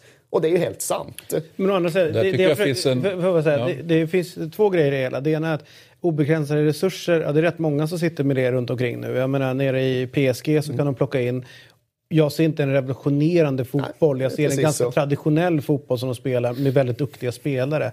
Sen eh, måste jag ge Christian rätt. Eh, när, det var, när det blåste som mest kring John Stones förra säsongen, mm.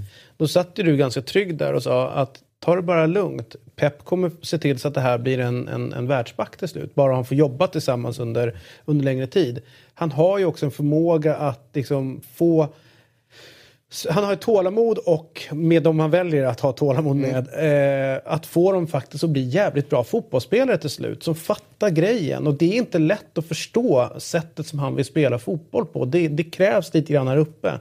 Och det lyckas han med. Liksom. Och det, det, det är så mycket i i hans sätt att leda, hans sätt att utbilda och, och, och liksom forma lagen som, som är unikt. Jag ser inte någon annan tränare nu som är runt omkring som Nej, gör det här. Inte som tränar någon av de här absoluta, ja men de klubbar som på genuint kan vinna Champions League. Det är klart att det alltid går att prata om Bielsa och hans adepter. Liksom man kan prata om Pochettino, men det är ju det är någonting annat. Det här liksom argumentet om att ja, det är titlarna som i slutändan avgör, det tycker jag bara räcker till en viss gräns. Men det är klart att det finns en kärna i det som är svår att bortse ifrån. Och bland tränarna som finns i stratosfären, bland superklubbarna, där är det ju tveklöst så att Guardiola gör något som ingen av de andra gör. Mm.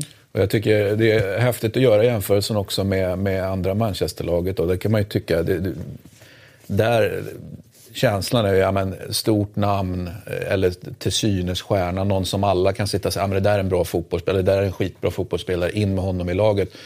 Sättet som man värvar på inför den här säsongen är ju, det har vi pratat om tidigare, där man kanske tänkte att ja, men han kanske kommer fingra kanske mest centralt där, kanske i flera lag där till och med. Och så slutar det med att, vad, vad är det han gör? Ja, det är ramverket på kanterna som han lägger allt krut på. Han läser situationen till synes helt annorlunda än, än, än, i princip alla andra hade läst den situationen. Och det är ju så otroligt fascinerande.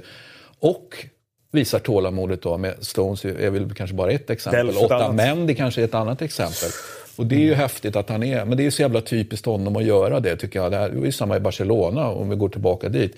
Man, man satt ju och förväntade sig kanske inte fanns så mycket att kalibrera kanske på mittfält och i anfall. Men man tänkte ju både en och två gånger att det, nog fan kan du fixa till den här jävla backlinjen i något. Och det slutade med att ja, men då börjar han flytta spelare mellan lagdelar istället. Det är ju en klassisk, för mig en klassisk Guardiola. Det gjorde han i Bayern också. Att han omtolkar saker Philip Lam är på... Bra. Lam, Kimmich, alltså han blir, han blir håller på som, vi pratade om honom då som att han var en vetenskapsman i ett laboratorium. Ja men han löser ju upp gränserna mellan, mellan du var någonting fast du är nog det här istället. Liksom. Det, ja, det är kul nu hur han håller på att lösa Kyle Walker. För Kyle Walker är sannerligen inte Philip Lam. Och ytterbacksrollen i Man City är inte den där halvbacksrollen som han nyttjade med Alaba och Lam i FC Bayern. Men det är ändå någonting annat än det sätt som Kyle Walker har spelat ytterback på under hela sin karriär. Och precis som du säger så är det ju slående hur han tänker annorlunda i sin rekrytering. För det var inte lätt att lösa Kyle Walker. Det krävdes mer än en halv miljard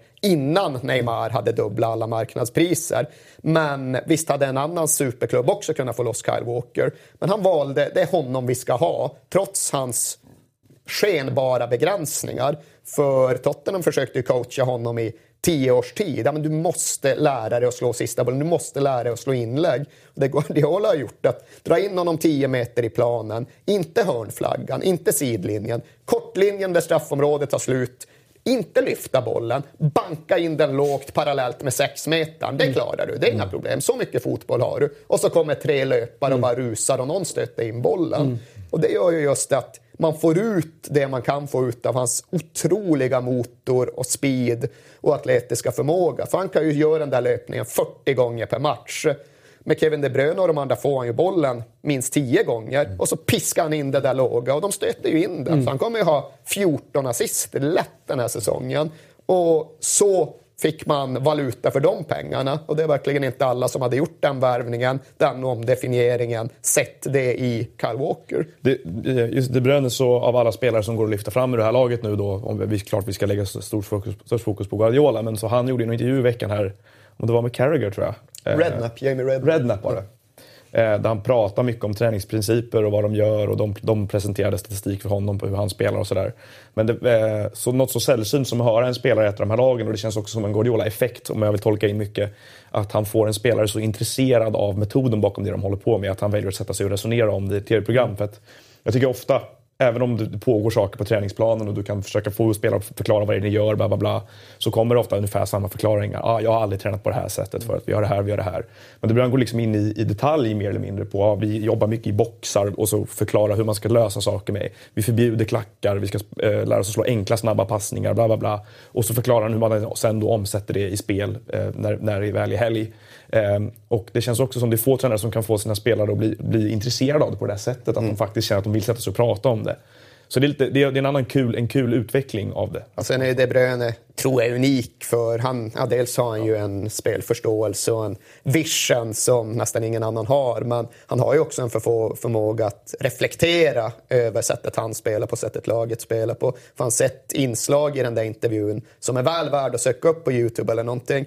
Där Jamie Radnep verkligen driver tes. Nu ska du få se siffror här kring din egen prestation som jag minsann tror att du kommer gilla. Och då var det jag tror det var lyckade passningar framåt mm. på planens sista tredjedel. Din första säsong i Man City. Och det var snitt per, per match? Ja, per exakt. Mm. Det var något sånt där. Din första säsongen slog du 29 per match i snitt. Andra 34 och nu är du uppe på 45. Vilken ökning! Det måste ju säga otroligt mycket om hur ditt spel har utvecklats och blivit mer effektivt. Och Kevin De ja, jo, det gör det nog i någon mån. Men det är ju kanske framförallt då en konsekvens av att min roll nu är mycket djupare och att jag därmed kommer i position där jag förväntas spela framåt snarare än utgå från kanten och ska piska in inlägg. Så att det är liksom inte bara spelare som bara köper ja jävlar vad bra jag spelar nej, nu. Nej. Verkligen ha sin egen klarsyn Visst. kring det. Men om man kollar på resultatet så, eh, en kompis med mig som inte kollade på matchen han sa 3-1, ja, det blev en lätt seger. Ja, alltså vid 2-0 så trodde man det skulle bli en walk in the park. Men sen hände ju någonting i matchen. Alltså, det blev det här eh, reduceringsmålet och då tycker jag nog Arsenal får mycket skit, även fast jag hela tiden under matchen någonstans kände att Arsenal, eh, vi har kommit dit där Arsenal faktiskt inte är på samma nivå längre. Utan det är ju liksom, om de hade tagit poäng så har det varit en, lite grann utan skräll.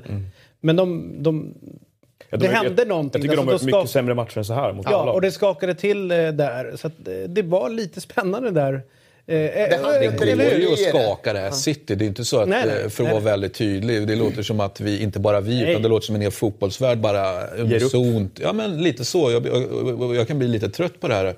Som pra- prata om det här att man bara... förra helt plötsligt handlar om att Hålla siffrorna nere. hålla siffrorna ner. Vad fan hände där? Hur fort gick det? Bara på typ tre veckor eller två veckor eller en vecka eller en månad. Så helt plötsligt så, så kan man inte vinna. De är helt omöjliga att besegra. Men titta bara, titta bara egentligen Napolis insats. Med det sagt så vann ju inte Napoli mot dem heller. Va? Men, Nej, men eh, tanke på resurser och, och bredd på trupp och, och allt det där. Så det är klart att ett riktigt bra, eller riktigt, eh, alltså flera riktigt bra fotbollslag det är enda- kan skaka det här, självklart. enda asterisken som finns kvar i nuläget tycker jag mot Manchester City som i alla fall Premier League-vinnare, det är ju det där, ja men i fjol då. För första 10-12 matcherna var ju inte riktigt men nästan lika imponerande då också. Och sen kom Celtic borta i Champions League 3-3, Tottenham borta i Premier League 0-2 och sen kom ju det som jag inte tvekar att kalla en kollaps. Sen så säckar ju Pep Guardiolas lag ihop totalt under vintern och bara försvann.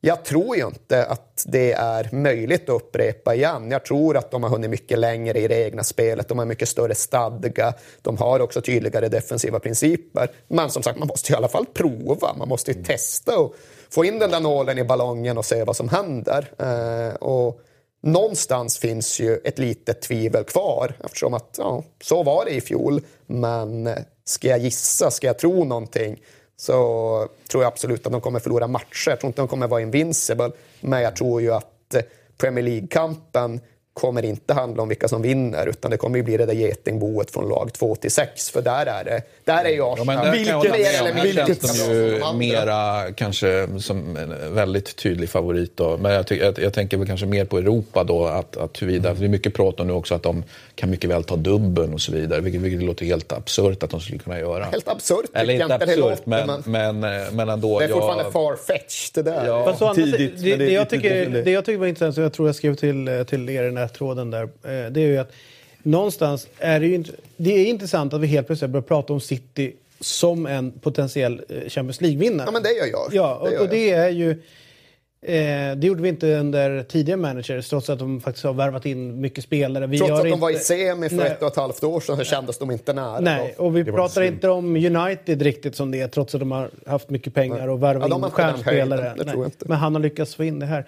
Du, eh, Vi måste, spännande. Vi måste... ta den andra, det andra Manchester-laget ordentligt också. Ja, vi kommer till det nu. Chelsea United. För det tycker jag blir så här, när vi, om vi pratar om att okej, det, det ser ut som att det kommer handla om plats 2 till 6 här. Ehm, och så pratar vi förutsättningar och vad de här klubbarna vill åstadkomma och göra och vad Guardiola har åstadkommit och gjort under ett, lite mer än en säsong då här nu i City. Så är det ju en klubb med samma uttryckliga ambition och investering eh, i det här laget. Och det här är ju liksom inte den här matchen eller någon av de andra matcherna i år bara utan det är ju under hela Mourinhos tid i United och mycket av hans karriär som, som det ser ut exakt så här i de här matcherna. Och jag fastnar lite vid att sådär att eh, det, det, finns, det finns ju en, en, eh, en begränsning i hans attityd egentligen till de här matcherna eh, som tjänar Manchester United väldigt illa. Eh, för att för mig är det det här destruktiva förhållningssättet han har till toppmatcher generellt. Att han gärna stryper dem, att han gärna vill ha en uddamålsseger, att han gärna vill täppa till i första hand. Eh, Det är ju gångbart i min värld om du sitter på sämre individuella kvaliteter egentligen. För att har du bättre individuella kvaliteter än laget du möter, då ska du ha, för mig i alla fall, ambitionen att föra spelet mycket mer. Göra, styra ditt eget öde i långt större utsträckning än vad, än vad Manchester United faktiskt försöker göra. Eh, Och det blir ju en fotbollsideologisk vä- ett vägval egentligen. Utan att säga att, liksom att man inte kan vara defensiv för det eller man kan inte vara det ena eller det andra. Men det är en attitydfråga och en viss, en viss feghet faktiskt från Mourinhos sida i det här fallet. Att han inte, att han inte vågar eh, försöka få det här laget att och, och spela mer expansivt än vad han gör. Ehm, och då tittar man på tränarbeståndet i Premier League och jag landar rätt snabbt i att eh, det finns tre lag som, är, eh, som jag tror kommer sluta topp tre och det är City, United och, och det är Tottenham. Eh, men de andra två har tränare som är långt mer progressiva än vad Mourinho är just nu. Eh, och det är ju ingenting nytt, vi har pratat om hur många gånger som helst. Pratat om var han befinner sig i sin utveckling och de andra. Men det har väldigt sällan varit så tydligt tycker jag som när man tittar på de här tre lagen, kanske den här veckan.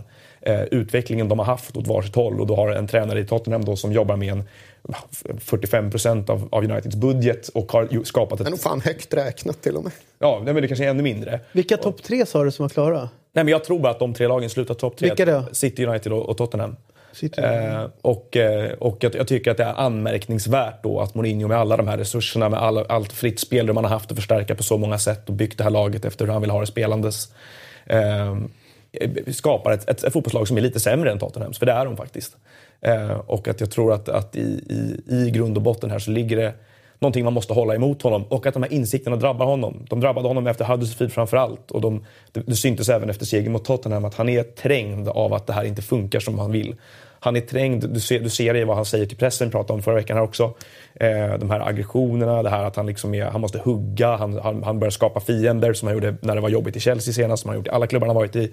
Eh, och eh, jag tror att han stressas av att han ser det alla andra ser också. Han ser också att höjden i det här United-laget inte är vad höjden är i framförallt City men även Tottenham. Men du som kan din Mourinho historiskt sett, nå tusan har det väl också hänt något med honom? Att han nästan är på en nedåtgående kurva ifall vi ska lägga en värdering i den här fotbollsideologin som Noah beskriver. För jag tyckte det var ganska enkelt att försvara sättet han spelade på under första vändan i Chelsea. För även när han sjönk och ströp matcher så fanns det ju ett helt annat offensivt hot när omställningen väl kom. Mm. Den där hemmamatchen mot Barcelona i Champions League som paradexempel. Kom inte det var ju Duff, var det Robben eller var det Joe Cole? Men liksom, när det laget vann boll och ställde, de flög ju mm. fram. De gick ju verkligen, när de körde så körde de. Plus att de hade ju Drogba som var extrem i både att hålla emot och ta emot boll, men kunde även sticka. Liksom, så att... Ja, Lukaku kan ju i teorin kanske bli den spelaren. Han är ju rätt ännu, men jag vet inte. Jag tror inte det är så enkelt som att det bara är att Lukaku, Rashford och Martial är sämre än vad Duff och Drogba. Utan det är mer liksom det är mer tömmar på dem nu än det var jag, jag har Mer folk jag, på laget. Jag, nej, men jag har faktiskt en, en match som på något sätt har, tycker jag liksom omdefinierar rätt mycket min bild utav eh utav Mourinho. Det är ju andra vändan när han är tillbaka Eh, så, så går det ju... Den hösten spelar Chelsea på ett sätt som mm. vi inte har sett tidigare. Eh, det var ju... borta nu eller? Nej, Aha. det är däremot Tottenham hemma vid jul och nyår. När eh, släpper in fyra mål. Jag tänker att den är bortamatchen. Borta 5-3. Ja, 5-3 borta är det. Mm. Efter den, då säger han så här. Nej, vi, vi måste skruva åt det. och hade, efter det ja. så blir det extremt eh, liksom, tight och riskminimering, eh, liksom, det han sätter. Och då, då backar han så långt så att det, han backar längre än tiden i Inter, han backar längre än första vändan i, i Chelsea. Utan han verkligen backar in. Alltså, det, nu pratar vi inte om en parkerad buss utan istället en avställd buss. Liksom, där vi, inte ska, liksom, vi ska inte röra oss i det här. Utan det, det är bara, okej okay, vad gör de andra? Utnyttja andras misstag. Vi ska inte, vi ska, inte, riska, vi ska inte, vi ska inte göra någonting. Och sen var det det liksom. Sen, sen efter det så har han liksom inte liksom skruvat tillbaka utan Fan. det är verkligen den här riskminimeringen. Nasser Chadli knäckte Mourinho. Ja, men det var lite grann så min bild. Ja, men det var ju, för jag tror att det var en match en månad tidigare som var Sunderland borta som jag tror Chelsea vann med 3-4-2. Men då började han prata så här, men så här kan vi inte hålla på. Och nu jävlar ah, nu är det sista chansen typ. Och sen följde den där mm. Spurs-matchen och nu, ah, nu stänger vi. För det, det är ju egentligen, det är ju, där börjar ju kraschen i Chelsea även om de vinner ligan på våren. De vinner, för så, hade så säger han ju, det säger han ju efter, de slår väl Palace hemma i sista matchen och då han ju, det är hans första kommentar efter det är ju att jag kunde ha gjort som Guardiola, gått till Bayern och gjort det här hur enkelt som helst, men kolla på mig. Så att eh, hela den där den hävdelsen på något sätt, att han försöker bevisa en poäng som han vet att alla andra inte håller med om hela tiden. Och den, det, det bar honom hela vägen genom Chelsea. Han, han, han liksom, förra säsongen, det är klart att de här bristerna syns i Uniteds spel emellanåt förra året också. De sminkas över av cuptitlarna. Eh, nu kommer vi in, vi har liksom börjat gå in mot vinter. Vi, har, vi såg dem göra väldigt mycket mål på väldigt osammanhängande lag i de första omgångarna av den här säsongen. Men det finns ju den här farhågan, den latenta farhågan, märker man hos de som följer Manchester United också, att, eh, att de här toppmatcherna kommer att se ut så här, att, att spelet kommer att se ut så här. Ja, igår visste man ju vad som skulle Igår hända. visste man vad som skulle hända. Och, och, och jag menar, det är just det här initiativrika som Chelsea har som United väldigt sällan har tycker jag. Liksom. Det, är väldigt, det är initiativlöst rakt igenom. Det är mer, det är mer liksom på vinst och förlust i anfallsspel och, och täppa. Och där Chelsea ju liksom är väl värda segern många gånger om. Bara på grund av, av, av attitydfråga. Liksom. Så att det, ja, det ser, eh, det ser bekymmersamt ut för Manchester United. Sen är också det en gradskillnad tycker jag, för han har ju alltid på ett eh, uttjatat sätt skapat konflikt, liksom, ja. hittat energi och sammanhållning i konflikt. Men det känns ju som att han har tagit det till en ny, ganska egendomlig nivå när han just det här konstruerar konflikter runt den egna klubben. Ja, nej, men nu, liksom, nu ska jag stå upp för Lukaku för att han får så mycket skit från egna läktarna. Det har han inte fått. Nej. Liksom. Vart kom det ifrån? Ja, nej, nu ska vi spela Champions League mot Benfica. Hoppas verkligen att ni i alla fall kan tycka det är lite roligare än somliga tyckte att det var mot Tottenham. Ja, det kanske var någon som muttrade, stod 0-0 efter en timme mot Spurs, men det var inte så att Old Trafford stod upp och gjorde myteri på något sätt. Men jag har också en bild av att han, hans, eh, hans val av... Alltså, någonstans har han ju sagt att han är ju coachen men sen så beställer han ett, ett sätt som de ska jobba. Och han har den här Rui Faria mm. som, som hans assisterande. Som verkar vara, alltså inte ha förmågan att skruva Alltså det, om man kollar... Var bättre på José Morais tid. spelade bättre fotboll och inte lika de destruktivt. Men, Vad fan men, gör Morais nu för tiden? Men det som är intressant tycker jag med, kolla eh, om man jämför då en gammal tränare som hade i United eh, där eh, Sir Alex hade en förmåga att hela tiden byta ut alltså allt från Brian Kidd till eh, Steve McLaren till eh, Kiros och så vidare. Så det, det hände hela tiden någonting nytt där och som också Sir Alex fick nya influenser utav och det hände någonting i hans ledarskap. Det var därför man man var ju förvånad över Sir Alex hela tiden. Hur kan han vara så up to date i fotbollen? Han har varit här i 20 ja. år. Ja, men kolla vad som händer bredvid honom. Han har en förmåga att, att byta ut hela tiden. Ja, det men jag. det gör inte José Mourinho längre, utan han kör med Faria. Och de har kört fast. Jag tror att eh, det Mourinho skulle göra, det kanske inte var så jävla toklojal mot de här som han drar runt med, utan hitta någon annan, få in ny energi som kanske kan öppna upp, öppna upp det lite grann. Hans liksom utmana hans sätt att och du, tänka lite och du pratar, gör, du pratar ju då om, också om, indirekt om någonting som Conte är väldigt bra på tycker jag. Och det är ju att adressera saker hela tiden. Han känns som att hans analytiska förmåga och handlingskraft när det väl gäller att inte få en säsong att spåra ur eller att låta negativ atmosfär ta över på samma sätt. Så som Chelsea startade förra säsongen innan han bytte formation och mm. hittade ett nytt spelsätt där. Och sen så åker de och gör den här liksom, horribla insatsen i Rom i veckan. Och väldigt många, det är helt totalt nederlagstippade inför den här matchen, vad jag hör i alla fall. Mm. Omkring. Ehm, men, men, men han gör ju liksom väldigt tydliga justeringar, väldigt mycket i spelet. Och det har varit Contes grej alltid, att han, han tycker att han hittar ett sätt. Sen känns det som att det fortfarande kanske finns en kortsiktighet i att han är så pass ombytlig av sig liksom fotbollsmässigt. Eh, att, att det är svårt att liksom bygga en klubb runt Chelsea är en kortsiktig klubb. Därför är han en perfekt Chelsea-tränare, kanske även den här säsongen. Men vad är din take på hela Chelsea-situationen? Just ja, Conte kontra övriga makthavare i klubben, Conte kontra David Luiz, Conte kontra framtid. Vart är det här på väg? Ja, det vet jag inte. Det vet ingen med tanke på att det är så pass lynnigt. Eh, liksom, hierarkin, alltså, de som styr klubben är väldigt lynniga i Chelsea. Jag vill se mer av Eugen Tenenbaum. Ja. Han måste kliva fram. Bruce Buck måste ta ansvar. Och där vet man inte riktigt vem är som chefer över de två. Eller hon, eh, vad heter hon? Granovskaja. Exakt, mm. som verkar vara den som egentligen styr klubben eh, i mångt och mycket. För att det är hon som har Abramovic öra. Ja, det är hon alltså... som drar i land förhandlingar i alla fall. Och sen så är Emenal och är han stark, ja, är han svag? Han är, det vet han man fortfarande jätte... inte. Han sitter numera också på bänken. Ja, han blev ju... Som gjorde en poäng av det i några brittiska mediesvängar att han blev minsann ignorerad av Conte igår. För mm. när Conte till sist lever upp på Contes sätt efter slutsignalen och går runt och vrålar och bultar hjärta och sådär. Så mitt under den, jag ska inte kalla det charaden för det är väl raljant, men mitt under den proceduren så går han ju bara rakt förbi Emenalo som står i någon så här Wenger-jacka och ser lite blöt ut. Mm. Sen ifall det är för att Conte är så uppe i ögonblicket eller om det är på samma sätt som han undviker Mourinhos Ja, handskakning. Men det, vet intressanta med honom, eh, han, man vet inte riktigt vad... Alltså, han är väl någon så här director of football och, och sitter och chefar över det men verkar ha ganska mycket makt också och liksom även uppåt. Men, och, Han är med på mycket bilder när det signerar saker. Ja, men det är det hans jobb att göra. Han är ju, typ, bilderna. han är ju, sport, Bra han är, men han är ju typ Han är sportchef. Och det, är, och det är här som är problemet. Att där managers kommer in och vill ha spelare, han är ju gatekeepern till det.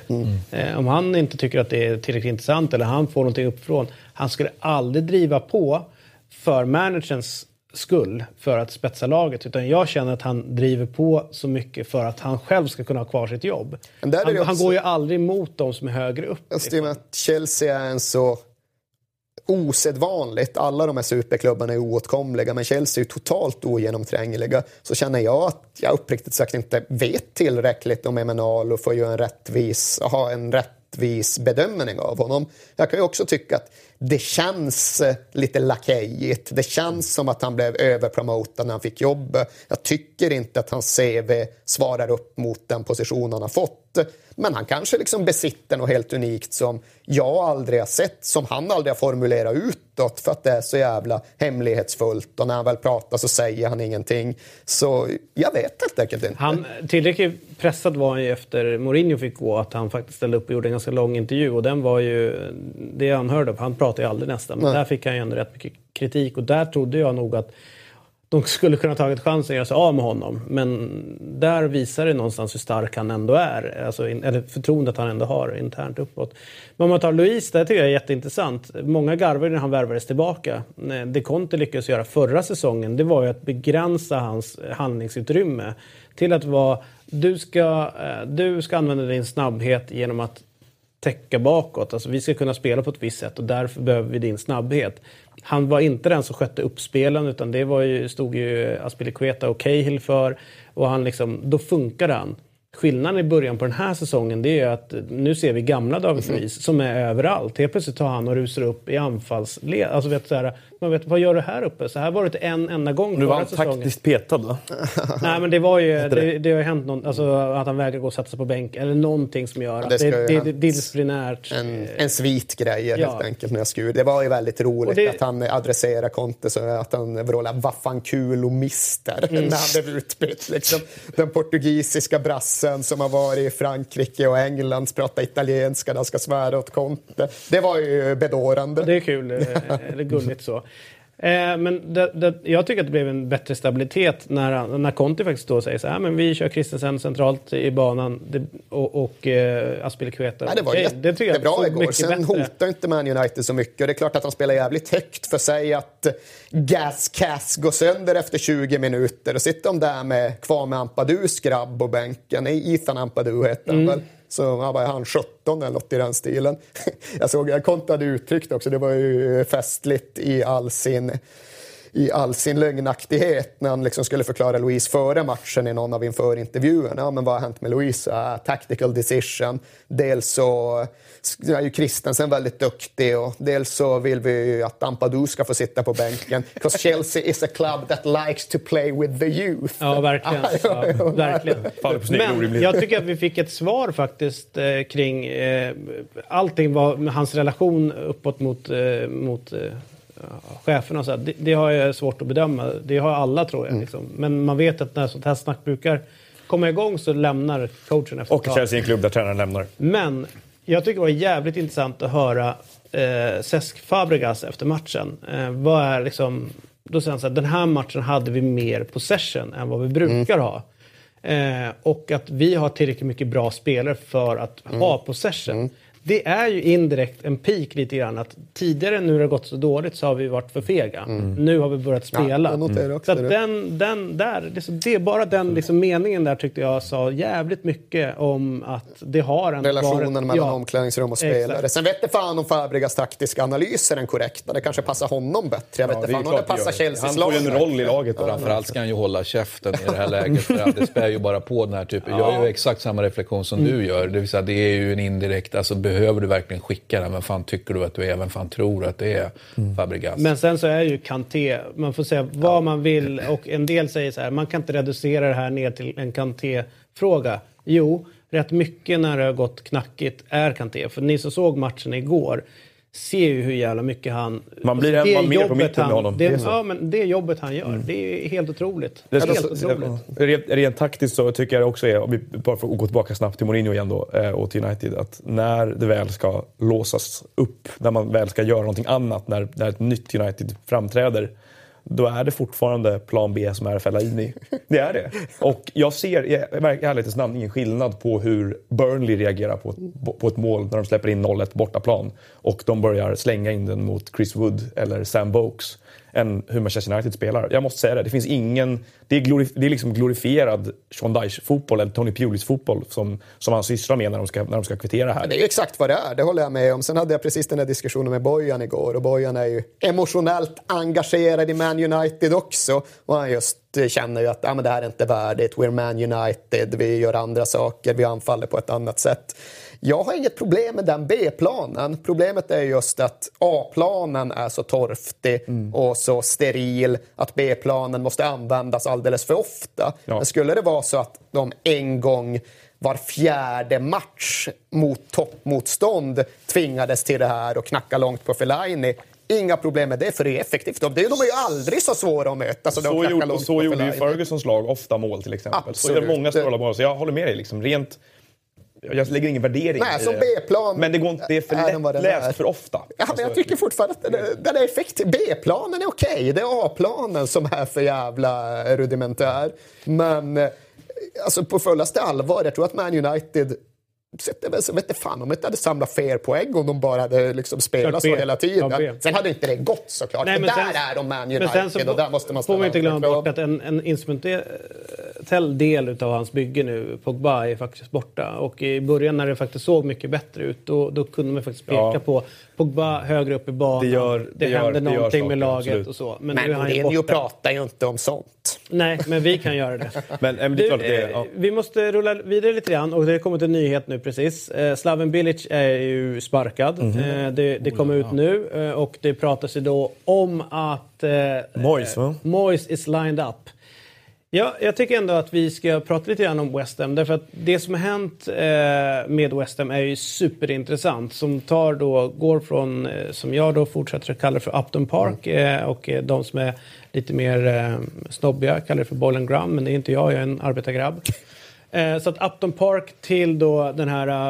Eh, ja, Mutationen till Ja, fotbollsstadion. den är extremt Usel. Och, och i, i det här har ju någonting gått sönder i, i klubben. Jag vet ju bara våndan jag hade med den lilla flytten som aik från Råsunda till, till Friends. Att det var så jävla svårt att identifiera sig själv med, med att se laget spela på någonting an, annorlunda. Förra året såg vi internbox på läktaren. Det var liksom rätt många som var bittra och alltihopa.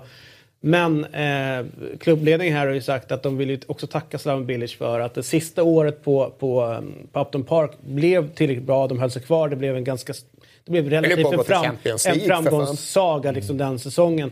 Med positiva vindar så, så kliver de in i det här. Alltså, så blir det rätt mycket skit.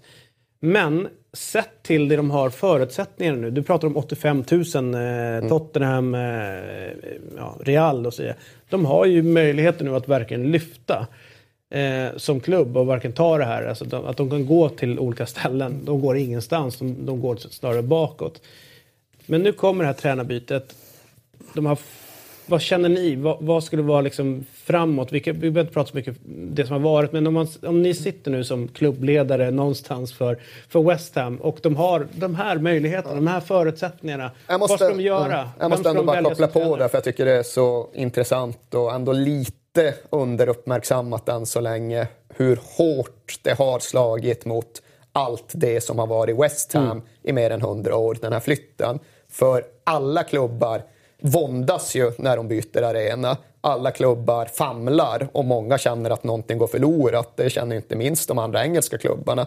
Arsenal, Man City finns det ju väldigt många traditionalister som fortfarande känner att de är Man City från Main Road. Men jag vågar fan påstå att det finns ingen annan klubb i Europa som har drabbats lika hårt av en flytt som West Ham har gjort jag upplever att just nu finns det oerhört många runt den klubben som känner att det var inte en arena som vi sålde iväg. Det var fan klubben. Vi, det finns inget kvar här längre. Det liksom, var så mycket som gick sönder och det är så mycket som är fel med den här nya arenan. Så tusan vet hur man reparerar det. Det är så mycket större än en managerfråga. Och där är det just det att ser man bara krasst ekonomiskt på det så försökte ju Tottenham göra samma flytt. Det var ju bara det att Daniel Levy alltid var i underläge för det är liksom kulturgeografiskt närmare för West Ham att flytta in till den arenan.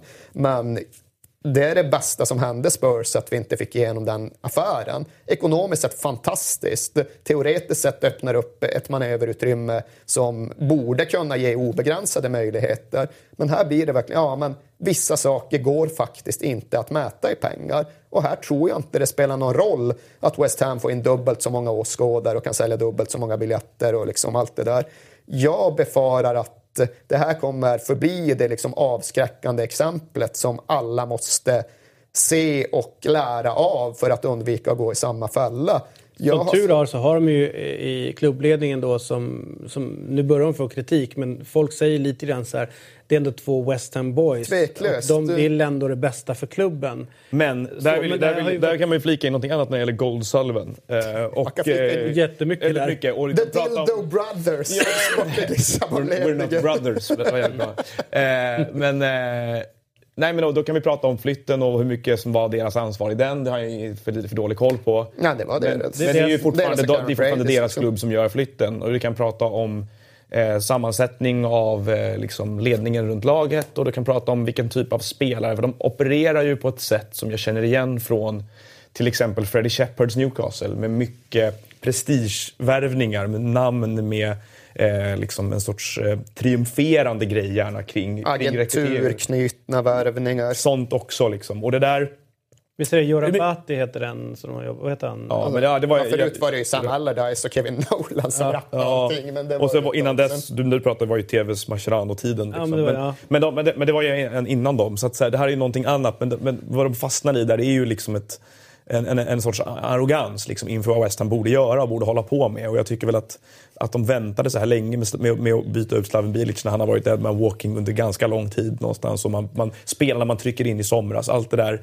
Eh, det är ju de två, måste, de två kommer inte sätta det här för mig. Alltså de, de kan sätta en säsong som de gjorde när Payet flög och Bilic liksom entusiasm smittade av sig och alla drog åt samma håll.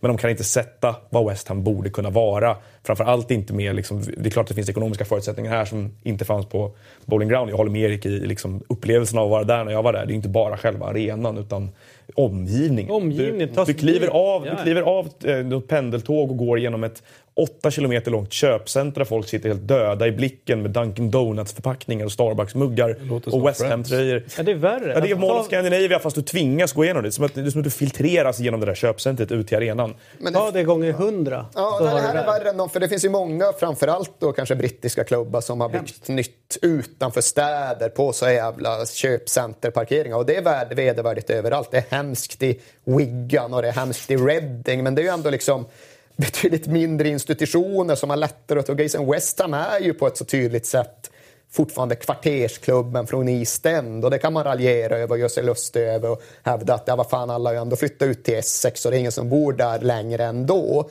Men det är så mycket av deras identitet och själ som bara raderats, utplånats, kört över med bulldozer och jag säger verkligen det här med respekt och vördnad och värme inför West Ham. För även om de har sin asymmetriska rivalitet gentemot Tottenham så har jag liksom stor beundran för den klubben. Och de vann VM 66, mm. The Academy of Football, allt det där. Men jag känner en genuin och innerlig fruktan för att det här inte går att reparera. Det är klart att fotboll, resultat, sminkar över allting. Skulle de få in en demontränare och liksom ha hugg på en fjärde plats igen så det är klart det lyfter. Så sitter ändå publiken för långt ifrån planen för att se vad som händer. Alltså det är borta sektionen där. Det, Nej, är, det är helt alltså, sjukt alltså.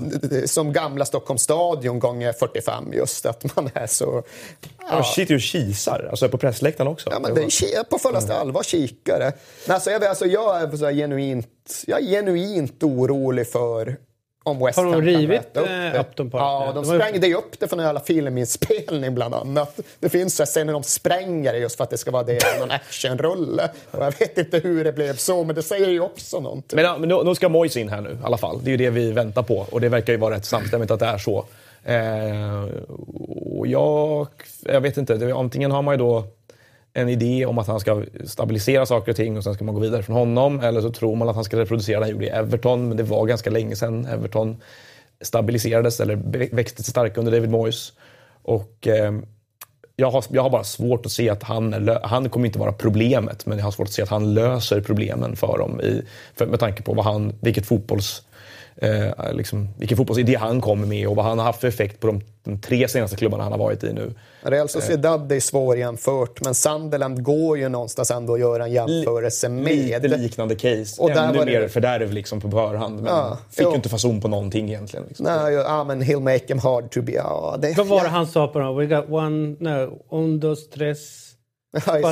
Ja, Steve McLaren-kvoten. Ja, det var så jävla bra. Nej, men Sunderland var ju alltså det går ju inte att se tillbaka på det han gjorde i Sunderland och hitta någonting positivt. Nej. Någon förmildrande omständighet. Vad gjorde han? Han tog in en massa avdankade gamla Everton-spelare och United, United Reject. Så liksom... Som just nu håller på att åka ur Championship. Ja. Så det, jag menar, han gav ju Simon Grayson ett helvete att göra med. Och där är ju Ellie Short. Man måste ju någonstans titta mot ledningsnivå i de här klubbarna tycker jag. Och, och, och i West Hams fall så liksom, jag har jag har svårt att se att någon, någon bygger West Ham åt något håll. Och eh, vare sig med hjälp av tränare eller värvningar eller någonting annat. Ja, det är tråkigt. Jag, eh, precis som eh, Erik säger med West Ham, eh, både du och jag har ju hållit på lag som under rätt många år har varit dåliga. Va? Så, eh, och jag får inte vara med nu? Ja, i, i, London, fan bara varit uppåt hela tiden. Ja, men I London-perspektiv så är det ju liksom någonstans så har ju så har man ju som Chelsea, gillar Chelsea, vi var ju mittenlag liksom någonstans. Då tampas man med West Ham. Ja, nej, det var väl ändå den huvudsakliga rivaliteten för båda ett tag innan de hade fått fixeringen vid Spurs och när Millwall ändå hade ja, försvunnit. Liksom. Så var det liksom det här. Och, och liksom att komma bort till, till Upton Park, det, det var ju... Ja, men dels så, så var man ju på den tiden så hade Chelsea en rätt konstig arena för då var det en läktare. Så var det, sen var det liksom en, en, som en, en slänt ner liksom, så det var liksom inte så tajt. Men så kom man till Upton Park, det var ju så jävla tajt. Det var, liksom, det var elektriskt, det var, folk var helt fullständigt galna inne på arenan. Det var liksom så här, man bara shit, eh, West Ham är ändå tungt. Och det var liksom så där. Och man hade alltid haft jävla respekt för deras ungdomsverksamhet, man får fram egna spelare, de hade den här uh, lokala förankringen som vi också hade tyckte jag, liksom bort, fast lite finare område då. Eh, och, Säg arbetargrabben. Ja, mm. och där, där, där krockar det. Men när vi har haft turen att eh, under en period när det gick jävligt dåligt för Chelsea att eh, det här eh, CPO bildades, alltså Chelsea Pitch Owners, där, där folk köpte då arena där den står då, eh, marken där, så har ju de inte haft det. Så att vi har ju också haft galna idéer på att eh, Ealing långt som fan ut västerut ska bygga något jävla rymdskepp. Och det var ju Abramovic som var in och körde hårt på det. Han hade ju marken klar, allting skulle bara flyttas. Det blev ju nej. Sen så fanns det ju en ganska cool idé. Det var ju Battersea Powerplant mm. som ligger. Där mm. skulle de bygga en mm. fotbollsarena. Där var rätt många så ja det ligger ändå i området, det är bara över floden och det kan, det kan vi köpa någonstans. Men då föll det på att någon annan gick in och budade över. Och, då, och nu då har Chelsea lyckats få tillstånd att bygga ut Stamford Bridge. Så då blir vi kvar på samma ställe. Gotiskt arkitektoniskt tempel. Jag vet inte ja, men det, det är coolt ändå att man är kvar i området som betyder så jävla mycket. Ja. Men här, det, det är som, precis som ni säger, att åka ut dit, alltså hela grejen med West Ham var ju, det var ju det var ju liksom eh, East Ends lokala stora fotbollslag. Ja. Det var det det var. Folk, men Gold bodde bara lite längre ner på gatan och växte upp där. Ja, det var ju samma gata ja. bokstavligt. The Green ja, det Street, var ju, och kunde liksom eh, planka in på matcherna var liten och nu är han ordförande för. Alltså allting fanns där. Det är helt dött Nu åker du till Heron City. Ja, men det finns inte kvar. Det är dött. Men det är också en jätterelevant poäng som går att göra ur det du säger. För det är ju en stor anledning till att den engelska fotbollen har blivit så bastardiserad som den har blivit. Att den har drabbats av så många av de absolut värsta avigsidorna av den skenande fotbollskommersialismen. Det är ju sannerligen inte för att det saknas fotbollskultur i England som folk ibland kan inbilla sig numera att allt är bara plast. Ja, jo, men det finns en del historia, det finns en del kultur och det finns en del tradition. Men det fanns ingen organisation. det har ju inte funnits den traditionen i England med organiserad supporterrörelse. Och det gjorde att det var väldigt lätt för externa intressenter att komma in och bara kapitalisera på allt. Bara driva igenom vad fan man än hade för galna idéer. För så var någonstans modellen. Att Chelsea inte flyttade berodde på att det fanns en grad av organisering mm. genom CPO. Men annars är ju det är det som är skillnaden på England och Tyskland av idag. Det att i Tyskland fanns det en organiserad supporterrörelse som kunde hålla emot, slå vakt om prissättning, slå vakt om avsparkstider, slå vakt om klubbtraditioner. Medan i England fanns inte det. Det fanns en extremt stark fotbollskultur, men den var inte organiserad och det gjorde liksom, det var bara fritt fram. Och det tror jag är helt definierande historiskt sett för vart allt har tagit vägen. Låt oss gå vidare om eh, arenor fast i ett annat land. Vi tar oss till Italien. Det märkligt nog, än en gång Christian, så sätter de käppar i hjulet i, eh, i Rom. Eh, nu har de överklagat igen, det kommer skjutas upp det här bygget. Jag tror att det är någon som måste ge något tillstånd i området, bla bla bla bla bla. Hur, hur akut är det för Romas del att få till den här nya arenan? Ja, den behöver väl på ett sätt inte vara, det beror på hur man ser på Lotta som tränare, om, eller förlåt mig som ägare. Eh, och han har ju sagt att det är väldigt viktigt för att kommer inte, tar vi inte ett spadtag inom, eh, inom en snar framtid och verkligen får den arenan, då är jag out. Han har varit väldigt tydlig med det. Skulle det vara bra om han var out? Ja, det, Beror på vad man får in istället. Eller vill vi ha honom in? Nej, jag, alltså, jag, har ju varit, jag har ju varit trött på honom från dag ett såklart. Va? Men, men återigen, det fanns ju ingen italiensk ägare som, som steppade upp där och då. Alltså, och Man hade inte ju... jävla vad om det för tio år sedan? Eller sju år sedan eller hur länge sedan det var. Hur länge de skulle bli kvar. Nu när du säger... Jag tror att... Uh... Vem hade, du och jag? Ja, ja. Jag, jag, tror att du hade att de skulle vara out inom ett eller två år. Jag tror de skulle bli mer långlivade. Jag kan ha helt fel här. Men Betala. Det låter... låter Slanta. Slanta skuld, skulden ner här. Ner med pengarna bland mustascherna. Jag har en jävla massa vad snart att kräva in. Jag och Martin Åslund har ett vad om huruvida Man City eller Spurs kommer högst upp i tabellen i år. Och jag hävdar då givetvis Man City. Åslund hävdade Spurs. Så där kommer jag casha in. Bojans andra, Harry Kanes andra säsong. Bojan hävdar att Harry Kane kommer inte göra mer än 10 ligamål den här säsongen. Jag tror att han kommer göra det, sa jag. Middag och slanta in. Oklart vad jag ska ta. Du vet, Martin, du vet, du vet Martin i början på säsongen, då, satt, då han han ju fått, han var en låsning på Tottenham. Vet du. Där skulle man ha slagit till och dödat mycket. ja, det var ju det jag gjorde. Ja, eller? Det var det jag gjorde. Ja. Ja.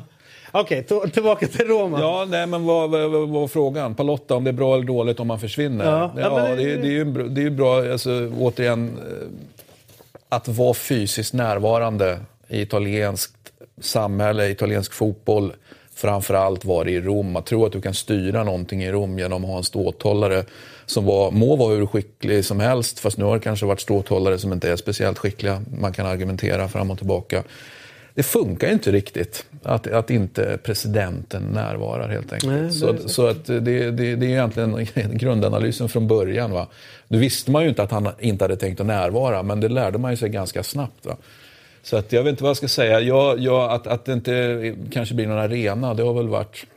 Men är det, det någon av de här projekten som faktiskt verkar gå i lås? Nej, Roma, Lazio, Inter, nej, Milan, det är ingenting? Det tror jag inte. Det tror jag inte. Ja. Alltså det är Rom återigen, Rom är krångligare. Milano det, då? det finns Ja, det får vi väl se om de... Ehm, det tror man ju också först när man, när man ser det. Jag tror, jag tror att chansen är större där än i Rom. Jag tror att Rom per definition är... är man är och sen kan man ju säga, helt, liksom. förmodligen, eh, om man inte tror väldigt mycket på De Laurentiis. och, och, men jag tror att om man är lite elak, ju längre söderut du kommer desto krångligare blir de här grejerna såklart. Va? Eh, faktiskt. Med det sagt, Frosinone ligger söder om Rom och där har man byggt en ny arena som man spelar på den här säsongen.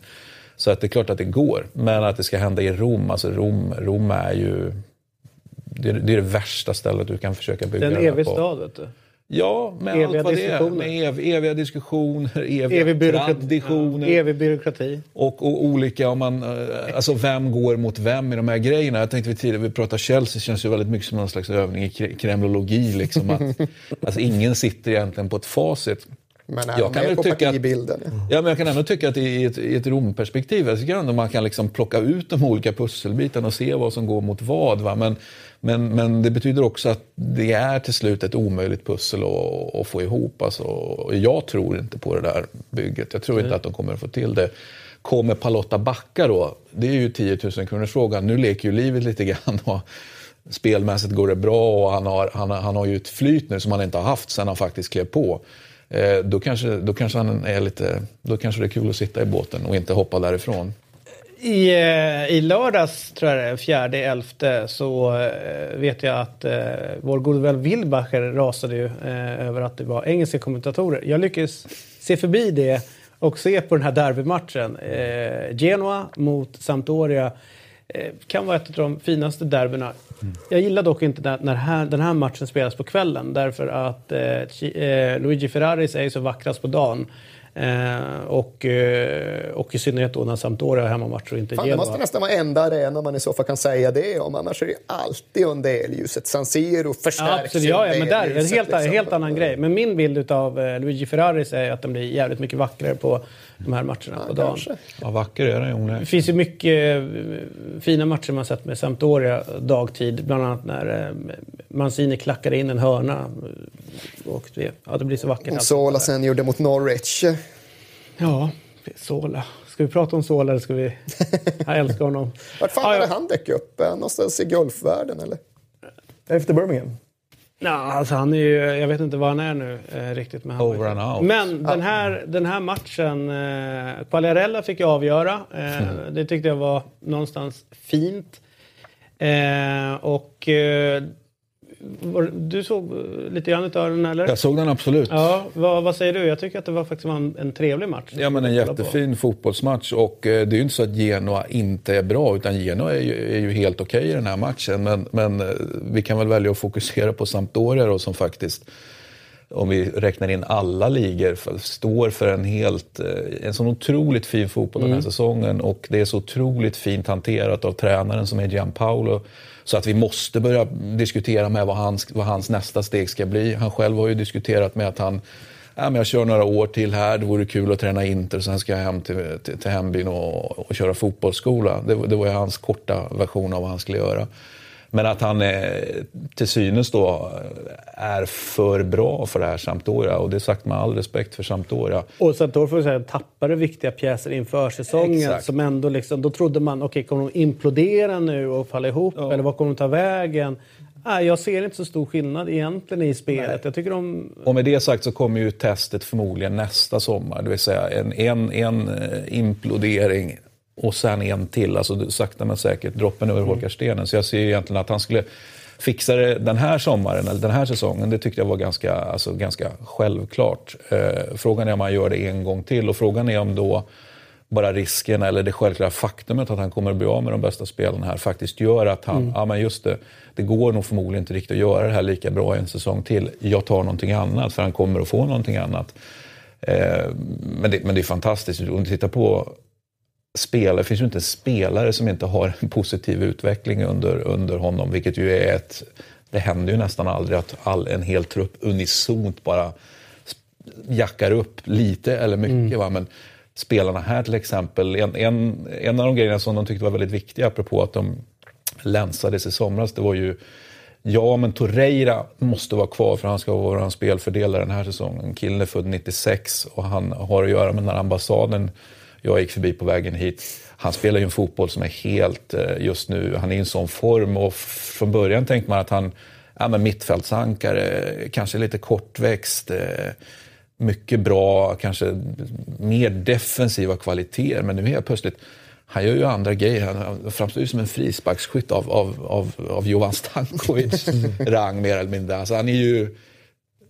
I Italien så, så blir det, alltså, ah, men det är ju fan Juve-nivå på honom. Mm. Alltså, helt plötsligt. Eh, Och, och det är coolt att se. Sen Quagliarella- Zapata, ja, också Zapata får man också, måste vi nämna lite Ja, grann. men jättebra Eller exempel. Och vem tittar på Udinese? Inte, inte ens jag höll jag på att säga. Så att, men man fattar att han gjorde någonting bra där, Zampata, att han liksom växte till sig. Förlorade han en, en duell igår Nej, överhuvudtaget. nej. Helt otroligt bra. Och när man tänker så "Ah, men fan, nu är det helt fast i den här situationen. Då fan, under två jävla anfallare som står verkligen i väg och han kommer igenom i alla fall. Quagliarella, fantastiskt. Jag kommer ihåg, eftersom jag då följer Torino lite extra mycket. Jag var så trött, jag har stor respekt för människan Quagliarella, men jag var så trött på Quagliarella i Torino. Han var, liksom, han var lika långsam som vad jag är i, i nuvarande ålder och, och, och bara man tänkte ta bort honom för helvete. Eh, och vad gör han nu? Han, han, han spelar ju som han aldrig... Alltså, han har aldrig varit bättre än vad han är nu. Hur gammal är han? Ja, jag vet faktiskt inte hur gammal han är. Han måste 35, ju vara 31, någon, någonting Ja. åt det hållet. Och, och det är ju faktiskt häftigt att se. Och han hade ju såklart inte kunnat göra det i Torino. Utan det 34, här är ju någonstans beviset att man, man kanske behöver flytta ibland. Det, det, så den flytten var ju bra av honom. Till och med Men Gaston Ramirez är bra här alltså. Gaston Ramirez hur bra Ja. som helst. Ja, Varje match också. Nej, nu blev han han utbytt spelar här, inte han- varje match Och så blev Han utbytt ju- nu senast, men, eller nu i helgen. Men jag tycker att han är... Det är, det är inte så att man garvar. Otroligt ojämn i England. Han var ju, väldigt, han var ju Nej, bra när han var bra. att funkar väl inte riktigt där. Va? Men det som är poängen också här, eftersom Ramirez, Ramirez verkligen inte är en självklar startspelare. Nej. Det är han faktiskt inte. Och det är ju också en annan poäng med det här Sampdoria-laget. Att man kan tycka att en del är, men visst Torreira kanske är självklart startspelare och så vidare. Men att de har ju, om det råkar vara så att någon inte kan spela eller behöver vila, då helt plötsligt så finns det andra spelare. De har ju liksom klockrent på varenda position, eller klockrent, men riktigt, riktigt bra. Den gamla klyschan om att det ska vara två alternativ på varje position. Eh, och, det, och det kanske man ofta brukar ha, men det brukar ofta vara att ja, men så funkar inte det på några positioner. Här funkar det här andra alternativet på alla positioner i hela laget. Och det, det är återigen Gianpaulos tränargärning här. Bra inkrom, bra klubbledning. Här kanske de har, har liksom grävt sin egen grav. Här. Det är ju lite lätt bysantinskt här skulle jag vilja säga. För att det här har de ju en, en jätteduktig sportchef som är Carlos. De har en jättebra klubbdirektör som, som är Daniele Pradé. De förr eller senare, har jag sagt hundra gånger, jag säger det hundraförsta gången, det är ju en inbyggd konflikt. Alltså det är två tuppar i, i en hönsgård här. Så jag tror ändå att förr eller senare så kommer det knaka och kanske också braka. Eh, men, men här och nu, och de bedyrar ju att det är lugnt, vi kan jobba ihop, det är inga problem, vi gör inte alls samma saker. En modern fotbollsklubb finns så mycket arbetsuppgifter.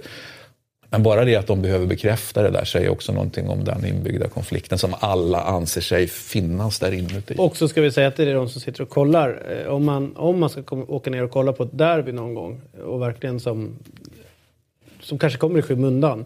Det är ju Sampdoria, Genoa eller Genoa Sampdoria. Det är ju en helt underbar eh, Det finns stämning. många derbyn här i världen. Ja, men, Men alltså, det är då ett fint derby. Ja, Det är är fint derby. och det är en fin stad och man kan ha det väldigt kul. eh, Och, eh, man, Man blir ju väldigt glad när man tittar på de här matcherna. Ja, alltså, även, ja, om, exakt. alltså, även om man, kan jag tycka, även om ma- matcherna ibland inte alltid är bra, så blir man alltid, ja men, Och ska jag, Man blir säga, jag var ju nere i, eh, i eh, Genua i, i tidigare år eh, och eh, numera så, eh, så tog jag faktiskt med en sån här tröja, en, en av de blåa tröjorna här, till, Mm. till Nordkorea. Så att Nordkorea finns det sådana tröjor där också. Har du varit i Nordkorea? Ja, ja visst. Är det sant? Ja, visst. Nu, det kan vi ta sen efter programmet. Ja, Ja. Det, vill jag, det får komma i spinoffen. Ja, ja, jag jag försökte åka till Nordkorea, men det gick inte. Men... Om man eh, har rätt kontakt och rätt Ja, ingångar så Fan, du känner ambassadsfolk i alla hörn. inte bara det. Det var det mest intressanta som har sagts under det här programmet. Ja. Du, eh, eh, vi har ju blivit lite tjocka så att vi rullar vidare snabbt Mm. då till... Eh, Eller vill du säga någonting mer om Italien eller? nej, jag, eh, ja, det kan jag göra om du vill. Nej. Nej. Vart ska Genua ta vägen? Ja, det är ju bra och, och det kan ju faktiskt vara så att vi har fått ett konfirmerat eh, en tränarspark nu under, jag har faktiskt inte googlat under programmet, men Juric är ju, eh, Det är upp- Och det kan ju faktiskt vara så här att kan det här vara säsongen där eh, inte bara Juric eventuellt blir sparkad en gång till utan att, att Genoa faktiskt sjabblar sig ur den här serien. Man ska inte utesluta det. Eh, Det ser, ser inte bra ut. Framförallt gör de inga mål. Det, det, det, det är. Att Det finns ju, jag sa ju att de spelar bra. Det är ju, det det är ju en fin back. Djuric sparkad. Han har fått det, precis. Eh, och blev det Ballardini eller vad står det? Ja, vi får Ja, se om det det- blir Ballardini, eh, den gamle Sacchi-adepten då. Men återigen, problemet här är ju Lappadula, eller den positionen. Han, han, han sliter som, eh, som ett djur och det är ju även Tarap. Eh, och kanske Rigona också. som ett djur. Ja, men han gjorde faktiskt det här. Och, och, och, och liksom arbetsinsatserna är det faktiskt inget fel på. Men det finns liksom ingen, de är, de är inte i närheten av att göra mål. Det, det Och han kan inte ha känsla. Pellegrini på, på bänken. Han ska spela honom varenda jävla Ja, match. det liksom. kan man diskutera. Det är- Så är det en ung tupp. det- ja, men De kanske ska honom, ja. kramas och vårdas ömt och så den där killen är ju-. Framförallt ska han ju säljas. Det är ju det, är ju det som Geno handlar om. Att förädla Ja, och, och sälja. sälja. Lite grann så som, som Samp, fast ju ett ännu tydligare sånt förädla och så skicka iväg. Mm. Också ett bra exempel på det här med droppen urholkar stenen. Alltså, hur många gånger ska du behöva göra revolution i en spelartrupp? Ja, men när du har gjort det tio gånger i rad, då kanske det, det blir lite grann som West Ham. Det finns, är, finns det någonting kvar? Finns klubben kvar? Finns truppen kvar? Vad är kvar efter tio Fast det sommarrevolutioner? intressanta, jag håller med dig och då är det bara det sportsliga. Men det de här båda lagen har någonstans det är att de, de, har, ju, de har ju sitt hem. Mm. Eh, det som har de ju. Ja, och som är ett, eh, hela, Och det är också ett- världens, världens härligaste arenor att gå till. Märk väl, det är också ett, ett hem de vill lämna båda två. Alltså, Ja, det eh, projekteras ju för fullt och har ju gjort länge, vill jag också tillägga. Det, jag tror att eh, just den där situationen, nu är väl Genoa extrem som just säljande klubb, men ser man de här två klubbarna storleksmässigt, ja, ser man West Ham storleksmässigt, just de här klubbarna som i så oerhört hög utsträckning nu riskerar att för all framtid lämnas därhän när superklubbarna sticker iväg mot sin jävla superliga i stratosfären. Vad ska de försöka göra för att inte för evigt vara dömda till att behöva sälja ut spelartruppen tio år i rad, eller värre, inte ens få delta i tävlingarna som räknas? Ja, det är fan inte lätt. Det är nästan alla klubbledningar försöker med. Det är ju det stora arenaprojektet. Det ska vara frälsningen. Det ska ge större intäkter. Det lyckas inte fan vet jag en på tio med, högt räknat. Annars är ju risken att man blir kvar med precis samma problem som man hade tidigare. Precis lika stort avstånd till toppen, men en urholkad själ. och ska jag Det kan i alla fall betyda någonting om Och du bor kvar. Exakt. Och en väldigt intressant sak som jag faktiskt satt och funderade på när jag satt och kollade på Genoa mot eh, Lazio. Det är inte mycket folk på de här matcherna. Eh, och matchintäkterna om man jämför med Premier League eh, och ja, nu är Tyskland väldigt dåligt exempel än så länge för att de håller nere priserna så. Men man ser liksom de intäkterna som Premier League-klubbarna får från tv-avtal och, och liksom, eh, marknad och alla andra håll liksom så. Så blir det ju den här fotbolls, moderna fotbollen när liksom gränserna är mer flytande och, och eh, saker och ting kommer närmare varandra. Så måste, de kan inte bara kolla på eh, Italien, de måste kolla liksom jämförbara klubbar. West Ham eller Newcastle eller vad det nu kan vara och se vilka intäkter de får. Till slut så blir det ju liksom jakten efter spelare kommer tjuven och sist handla om pengar. De måste hitta ett sätt att liksom öka intäktsmassan nere i Italien. Och då är det inte bara kanske att sälja spelare utan också hitta pengar för att kunna behålla spelare och utveckla klubbar på det sättet. Och den är, det- är min bild, det är den stora utmaningen för den italienska fotbollen. Och där har ju Genoa precis klart för sig hur man går till. Det vill säga Preziosi är ju väldigt tydlig med nu att nu är jag trött, nu vill jag sälja. Och då har ju varit nära en, en försäljning, då, eller till synes nära i alla fall. Under sommaren, där verkar ha runnit ut i sanden precis här och nu. Och då var ju den nya tillträdande så att säga, klubbledningen då med utländsk input och utländska fonder som var en del av, av liksom en helhetsdeal där. Det handlar ju väldigt mycket om då att, att, att ta tillvara. Alla, alla vet ju hur många genovesi som någonstans har, har flyttat. Det är ju, det är ju en, det är en hamn, det vill säga de är spridda över en hel, en hel värld helt enkelt. Och hur många miljoner som helst runt om i världen. Det var ju någonstans att, att knyta dem, men de är alla, alla genovesi. Och en del håller på Samp, men många håller på, på Genua såklart. Och det var ju att göra, jo- jobba då, och då var ju sociala medier en väldigt viktig grej. Så att det finns ju en plan här som någon har tagit fram för hur man då bygger framtidens fotbollsklubb. Där kan man ju tro på det eller inte eh, och, och så vidare. Ja, det där är ju, alltså, jag tror att det kommer vara en ödesfråga för hela den internationella fotbollen. Vart de här mid-size-klubbarna, eller vad man nu ska kalla dem, vart de tar vägen. För uppriktigt sagt så är det ju, sett till de senaste, inte vet jag, tio åren, i stort sett inga exempel som jag kan komma på som har lyckats ta sig ett hack upp i hierarkin och etablera sig där genom någon affärsmodell, genom en ny strategi. Utan det är ju Man City, ja, innan dess Chelsea, som har rört sig tack vare investeringar som har kommit externt ifrån, som har varit unheard of.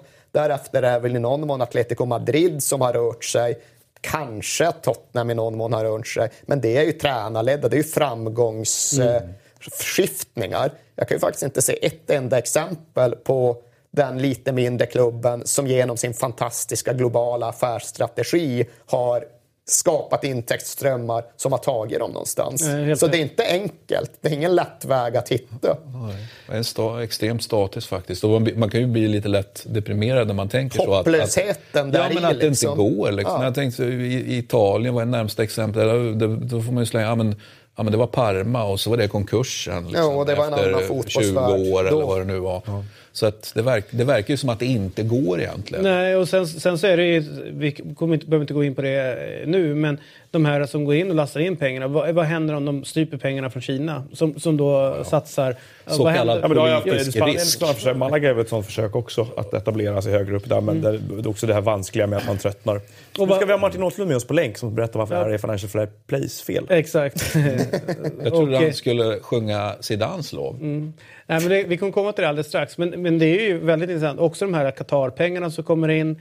Eh, vad händer där? Vi vet att det där, alltså på ett kort sikt så är det inget problem. Men man pratar om längre sikt som är väldigt intressant att göra.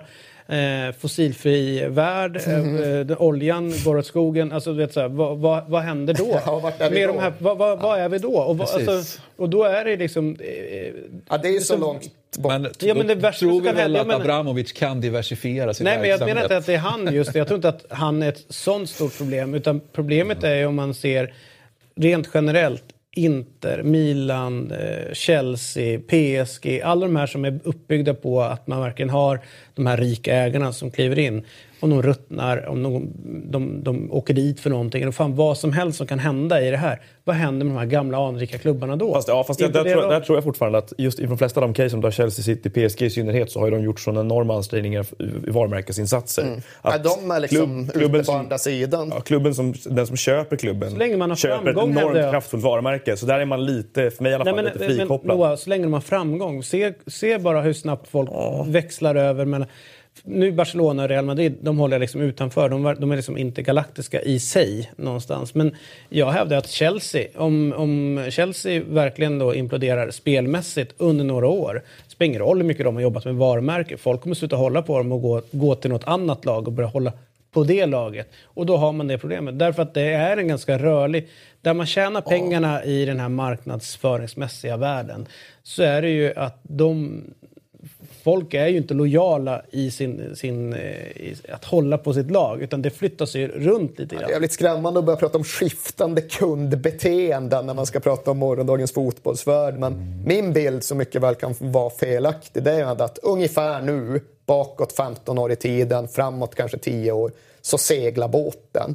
Nu seglar superbåten, nu sticker de iväg, nu lossnar den jävla kontinentalplattan med Real Madrid, Barcelona, PSG, Man United, Juventus, Bayern. FC Bayern. Jag tror att Chelsea, och Man City och PSG har tagit sig upp på den jag båten. Tror jag tror att de kommer klara sig. Men jag tror just att den kontinentalplattan, den seglar iväg och den kommer inte att hänga ihop med den övriga fotbollsvärlden framöver. Det kommer bli en global superliga som kommer vara mer eller mindre stängd och där inträdet kommer definieras på någon form av intäktsbasis. Det kommer inte vara så att Genoa eller Sampdoria får en plats. Däremot får några kinesiska klubbar en plats, några gulfklubbar får en plats, några amerikanska klubbar, australiensiska klubbar, någon från Indien, någon från Brasilien på nåder, kanske någon från Sydafrika på nåder. Och that's gonna be that liksom. Och det är en jävla dystopi och det är deppigt att ens behöva sitta och prata. Tror att det är ersätta ligas, att de lämnar ligorna helt eller att det blir någonting att... Svårt att sia om, men jag befarar det. Jag befarar att det kommer bli huvudturneringen i alla fall. Sen kanske de i någon mån gör någon liten litet nedslag i den värld som de en gång kom ifrån. Man United och Man City kanske kan nedlåta sig till att spela i England lite då och då. Men jag tror ju aldrig att de kommer möta West Bromwich i den fotbollsvärlden. Sen exakt hur det skiktats och byggs upp vet fan. Men jag tror ju att det är ditåt vi går en fotbollsvärld som svävar uppe i liksom, rymden högt ovanför alla andra. Och den kommer inte ha någonting med lokal förankring och samhällsnytta att göra. Men vi kommer ändå titta för att den sportsliga kvaliteten kommer vara så jävla hög. Och sen den övriga fotbollsvärlden som kommer vara sig ganska lik. Och där finns allt mellan Newcastle och AIK och Lecce. Och de kommer liksom pågå som vi är vana vid. Men rik kommer vara rik och fattig kommer vara fattig och aldrig kommer de två mötas igen. Nej. Det, är min, det är min farhåga. Jag får så ont i huvudet så att eh, eh, för att lätta på huvudvärken så tar jag inte en tre utan vi tar oss till den här, det härliga landet Spanien. Du vet, det du älskar så mycket Christian. Churros.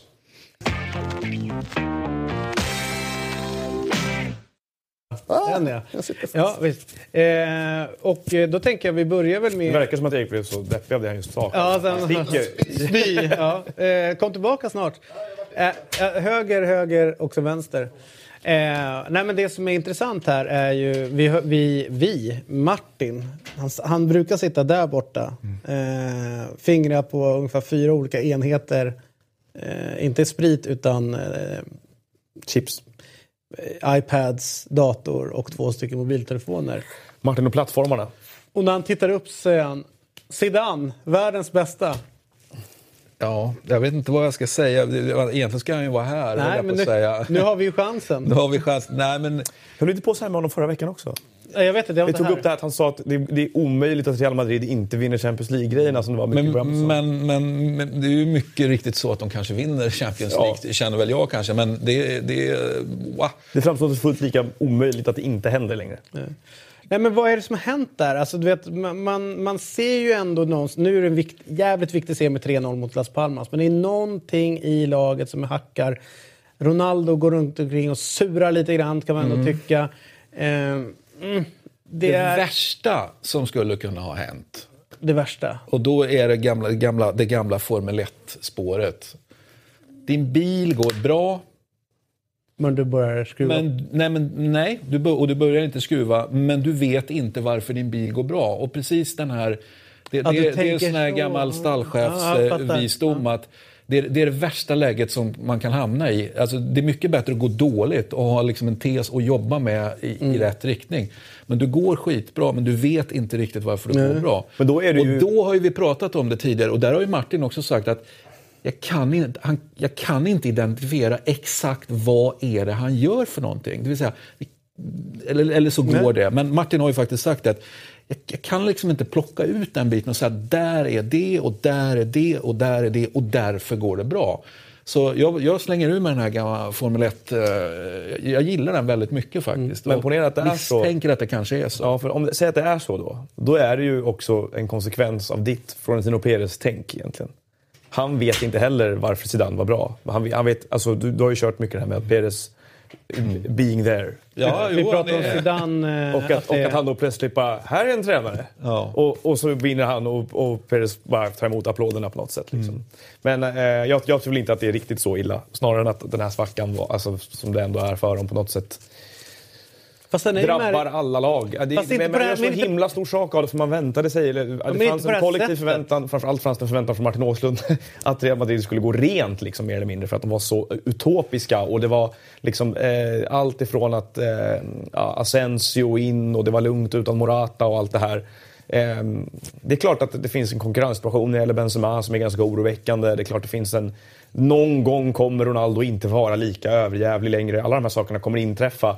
Men jag tycker fortfarande att det här urvalet av matcher, det här segmentet, är för kort för att börja dra de slutsatserna. Och fortfarande är jag helt övertygad om att alla här inne är, är överens om att om de bestämmer sig för att de ska vinna en match och verkligen liksom har då rätt inställning, det kanske är en inställningsfråga det här, så, så, så kommer de vinna exakt den matchen de vill. Det vill säga De de på kan gå 118 rent jävla procent mot Spurs. De var så jävla där. Så du, nej, de Och var på sitt apropå, max. apropå inställningsgrejen då så är det ju såklart en, det, är, det är ju upp till Zidane att hantera den då. Det, Mm. Och då är det ju bevis att i alla fall eh, om han nu är, är eh, solen så att säga så har solen faktiskt sina fläckar. Han kan i det här läget tydligen inte få dem att steppa upp tillräckligt. Nej, och det, men, och jag, jag, Fastän att de är bättre än alla andra. Är de ju. Ja, det, det kan man ju argumentera för. Eh, man kan också argumentera för att de inte är det just nu med tanke på att eh, det har gått som det har gått. Men, men den här mannen då, eh, Ronaldo. Vi, så här har vi, jag, har, jag har inte sett honom sen, egentligen när, sen han slog igenom så relativt blek som han är under den här perioden. Det kanske har varit en match tidigare så. Men nu tycker jag att man börjar se någonting annat i det hela. Och det är ju att lite missnöje. Fi- Finns det, finns det någonting i att han vill bort? Finns det någonting annat som han, alltså off-pitch som gör att han, att det är någonting som inte liksom lirar med, med, med hans relation till Real? Eller vad är det som gör att... För att alltid annars har hans fåfänga någonstans mm. tagit över. Att ja, fan, han, han trycker dit tre kassar eller han gör någonting för att ta ett nytt rekord eller gör någonting spektakulärt. Och så här. Men inte ens det ser man av honom nu. Han kanske har mognat som människa och helt plötsligt... Och blivit dålig. ja, det är fan... det jag menar är... Han har blivit människa kanske? Ja, men det jag menar är han blir ju, han blir ju äldre. Alltså, vi, vi, kan ju inte kräva att han ska prestera på, på liksom supernivån eh, fast man tycks, ja ah, men har han gjort det i tio år, alltså, varför kan han inte göra det ett elfte år? Ja, men alltså, det kanske går en gräns någonstans. Han kanske måste eh, portionera sig över en säsong på ett annat sätt än vad han har Men han har, ju, tidigare. han har ju också hållit på som Zlatan lite med det här. Och det, är liksom, det är klart att det finns en, för mig i alla fall, en aspekt av att eh, man har liksom aldrig hittat tillräckligt med skäl att tvivla på, på honom mer än Zlatan såklart. Liksom då, att han säger en sak och då, då aktar man sig för att, för att tycka tvärtom. Att han säger att han ska spela tills han är 40 hela tiden. Eh, och han, han, säger att jag min kropp kommer hålla så himla länge och bla bla bla och jag lovar att jag ska göra 100 000 mål till. Och eftersom han fortsätter göra tre mål per match så finner man ingen anledning att börja spekulera i när han ska sluta göra det. Mm. Så att för mig är det liksom inte så konstigt heller att, att, det här, att liksom, ja, man, har inte, man har inte kunnat sia speciellt mycket om när dippen kommer. Men det har väl funnits en tendens även tidigare år, även om eh, Fjäll menar att han aldrig har sett något liknande tidigare, med just det här med säsongsupplägg. Ronaldo han har sett till att pika i april, maj, juni för då fördelas bucklorna. Han har spelat utdragna mästerskap nästan varenda sommar. Han har gnisslat igång även andra säsonger och man tittar på honom och man funderar och man tänker att någonstans går en gräns och nu säger kanske kroppen ifrån. Och sen blir man fan i mig motbevisad sex månader senare ändå. Jag tror väl att både vad gäller honom och vad gäller Real Madrid så är någonstans bara frågan hur stor skadan riskerar att bli under den här perioden. Man säger att det fördelas minsann inga ligor i oktober och november. Men frågan är om det kanske inte kan göra det i Spanien med tanke mm. på om Barcelona seglar iväg, liksom äta in avstånd på Barcelona.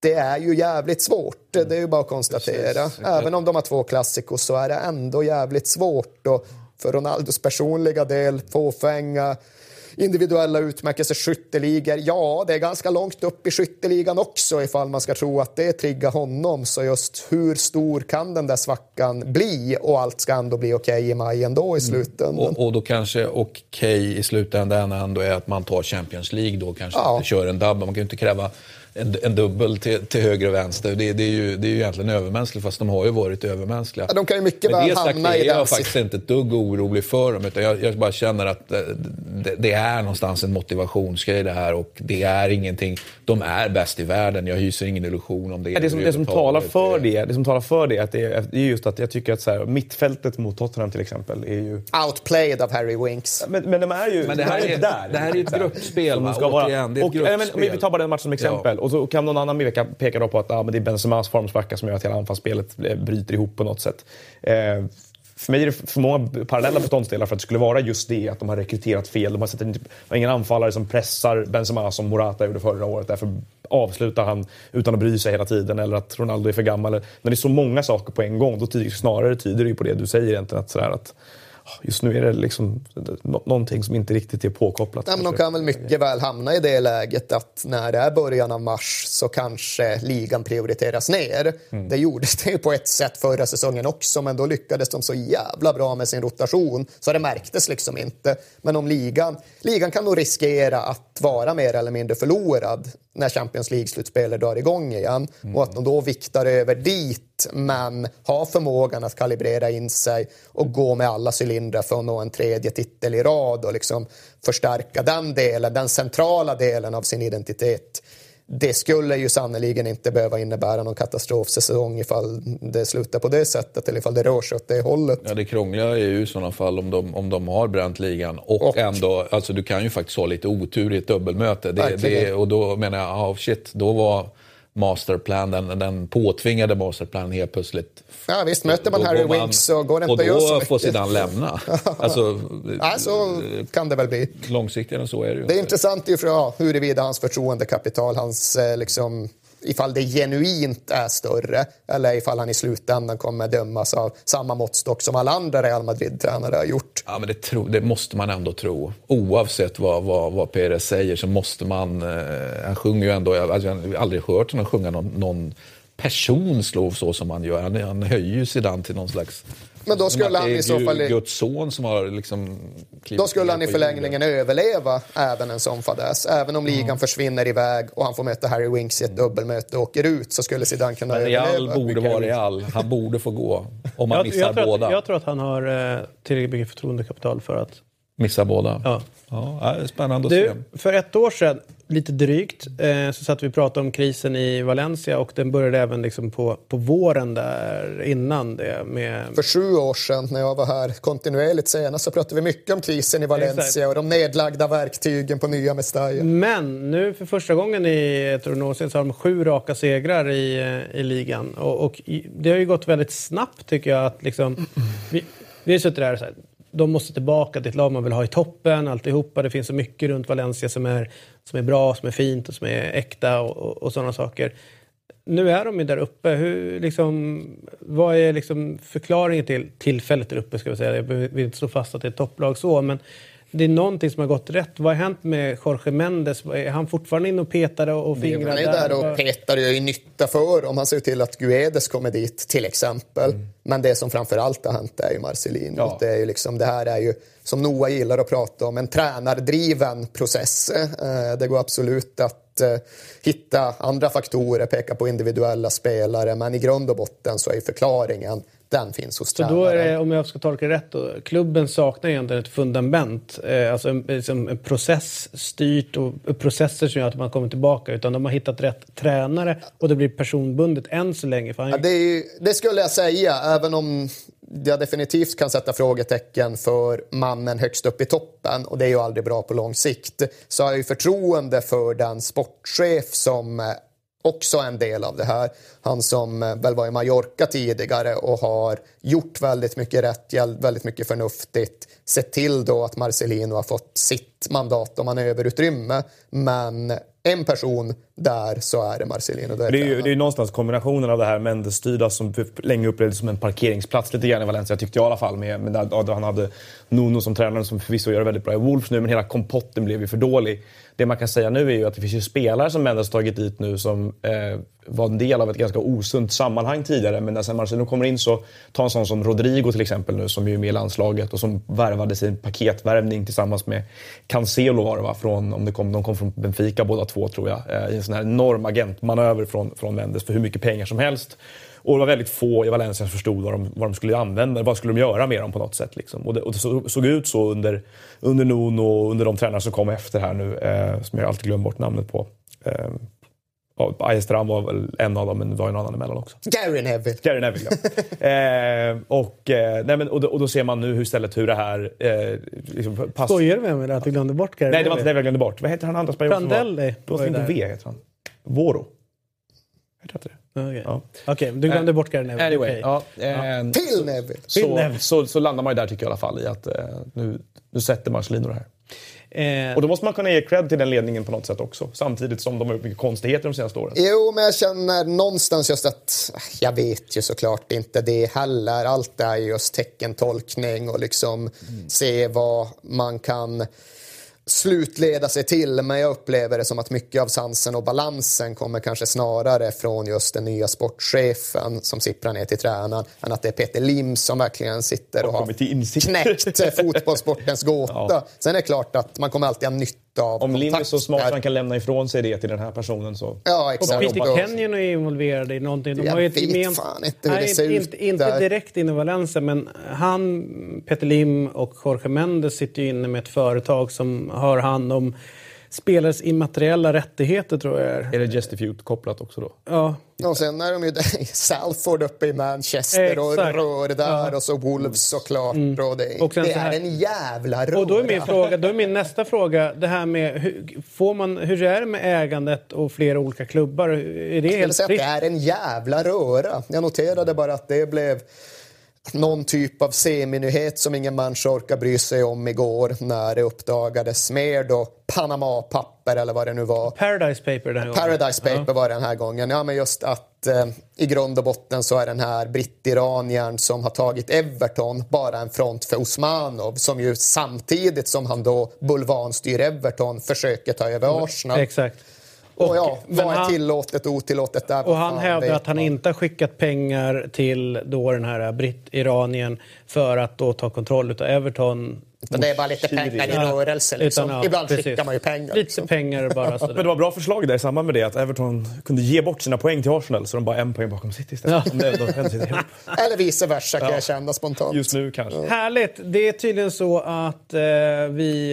Eh, det börjar dra ut på tiden. Det är så att eh, han... Eh, eh, vi, vi slänger oss vid namn nu. Britt-iranier och så pratar vi om juggar och sådär. Men det är så jävla... Man märker Men kroaten som vi jobbar med, mm. eh, han säger att man ska fan inte bortse från fri, fina frisparksmål. Det här måste vi visa. Och det är Så Simone... har hittat Jovan Stankovic. Härligt jobbat! Det är Simone Verdi. Eh, två eh, frisparksmål. Mm. Ett med vänstern och ett med eh, högern. Vill du, ska du spela upp det här nu, eh, har du tänkt? Bara bild, stillbilder. Eller vill du bara stillbilder på Tillslagsbilder. Lex ja. Andreas Breme.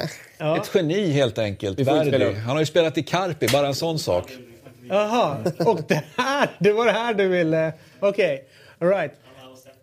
Vi, eh... Annars är ju grejen i den matchen att det var fjärde, efter att Bologna faktiskt verkade ha, ha stabiliserat sig tillsammans med Sampdoria i någon slags eh, semijakt på de här mm. andra som går i superform så har nu Bologna, eh, i och med att man föll då, trots att han gjorde två frispark mot Crotone. Marcus Rodén. På, bänken, på bänken då. Fyra raka förluster, mm. vilket är anmärkningsvärt. Nu hade de dessutom de flesta av dem, några som var skadade, tillbaka. Så att, eh, och Emil, både. Kraft och Helander var, var, från start, släppte in fyra. Så de kommer med stukat ja, självförtroende till Det är många, för många som har det för tufft nu. Alltså. Jag tycker ändå det är värt att kommentera. Dels just för att det ger en anledning att återberätta en av fotbollens mest uttjatade anekdoter. Men ändå den om hur vänsterfotade Andreas Breme går fram och slår straff vid 0-0 i VM-finalen 90 med 10 minuter kvar mot Argentina och slår den alltså med höger med fel fot. Det är ju mäktigt på samma sätt som det här är mäktigt. Mm. Och sen pratade vi faktiskt om det i anslutning till gårdagens Premier League-matcher att det är ju påtagligt att en allt högre andel av elitspelare är Enfot. tvåfotade. Ja, men att, att, att det tagit så lång tid att de går från enfotare till tvåfotare. Ja. För det funkade ju tidigare att vara extremt högerfotad. Och Framförallt extremt vänsterfotad. Ja. De vänsterfotade spelarna var alltid extremt vänsterfotade. Men nu var det till exempel, ja men igår i flera av Premier League-matcherna Heung-Min Son, som vi alltid ska referera till som koreanen, apropå det vi pratade om tidigare. Han gör ju mål med vänsterfoten på ett fullständigt naturligt sätt och han är verkligen så tvåfotad att det är svårt att se skillnad. Han är i grunden högerfotad, sägs det, men det är faktiskt svårt att uttolka när man ser honom spela och avsluta. Framförallt så påminner han Phil Neville om Park Ji-sung. Ja, precis. Bara en sån sak. om koreanen. Mm. ja, verkligen ingenting är medsamt överhuvudtaget. Men sen också i den senare matchen, Kevin De Bruyne tofflar iväg en halvvolley med högen i första spelsekvensen. Fem, sekven fem sekunder senare hämtar en boll, dunkar in en boll bakom check med vänstern. Och just den där självklara tvåfotadheten, den upplever jag som allt mer prioriterad, allt mer utslagsgivande och även vanligare. Mm. Det var en gammal Cruyff-käpphäst det där. Jag kommer ihåg, eh, han, han körde ju alltid det med Jordi. Han, eh, alltså, knöt han inte något jävla ben eller någonting? Han skulle lära sig och inte bara vara, vilja ha det till att det, det var inte någon bästa fotövning utan det var en sämste fot. Mm. Det tog Jordi till Alaves. Ja, bara en sån ja, sak. Och till United. Mm. Det... Han var United. Ja, men Ja, men det är verkligen alltså... Han var ju United-spelare, det var ju svinmäktigt. Ja. Men den är ju intressant den diskussionen om vad, vad är okay. vägen till framgång egentligen? Är det att du tränar stenhårt den du är bäst mm. på eller att man kör båda? Det är ju verkligen ett val du har att göra där. Jag tycker just i dagens, eh, dagens liksom sönderlästa och sönderanalyserade fotbollsvärld så framförallt det som vi numera refererar till som ytterligare ytterzonsspelare, där blir det ju en jävla skillnad för den naturligt den drivet vänsterfotade spelaren går ju nästan alltid på utsidan mm. på vänsterkanten, går sällan inåt. Och det blir mer i så fall den felfotade som ska söka sig inåt. Men han är också väldigt lättläst i jämförelse med han som är kan gå på båda sidor. Är Robben den sista extremt vänsterfotade, om man säger så här, absoluta topp, topp, toppnivå som vi kommer ja, se? Men det är just motargumentet, för det jag satt här och pläderade för att ja, vet man vad motståndaren ska göra genom hans enfotad, att han är så enbent så då blir det ju lätt att läsa. Robben är ju motbeviset för där finns det ju är den där hjärnforskningen som det också ofta refereras till att det spelar ingen roll om man vet om det. Det mänskliga sinnet är inte kapabelt att reagera så snabbt som Arjen Robben utför sin manöver.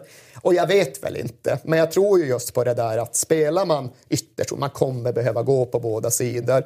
Och medan vi pratade om det här i Premier League-sammanhanget igår så var Ludvig Augustinsson med som mm. gäst och han berättade att så som han fungerar så liksom patologiskt driven och målmedveten och noggrann med vad han ska utveckla och förbättra. Det är liksom nummer ett på hans priolista. Det funkar inte för honom framöver att bara söka vänsterfoten, försöka vrida inlägget runt backen. Han måste kunna flyta in och lyra in den med högen. Han måste liksom kunna välja fler vägar i sitt spel. Och det var liksom slående att han som på ett så extremt definierat sätt bestämmer sig för att det här är viktigast just nu. Han pratar också om det, han måste bli bättre med högen ju också kunna lära sig att hantera yttersidan. Så har du också alltså det är ju ett sätt att hantera Aha. två fot. Quaresma.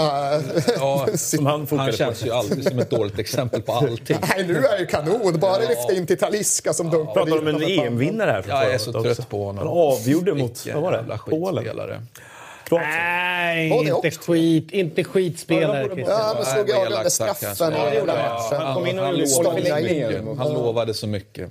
Ja, nej men vad grymt att ha det här. Eh, eh, kom gärna tillbaks innan julen är eh, klar. Jag fick en skit någon gång tidigare. Att nu för tiden dyker han bara upp när han har en bok. Men det är då ni hör av er. Ni hör ju aldrig av er. Nej, men du är välkommen när som helst.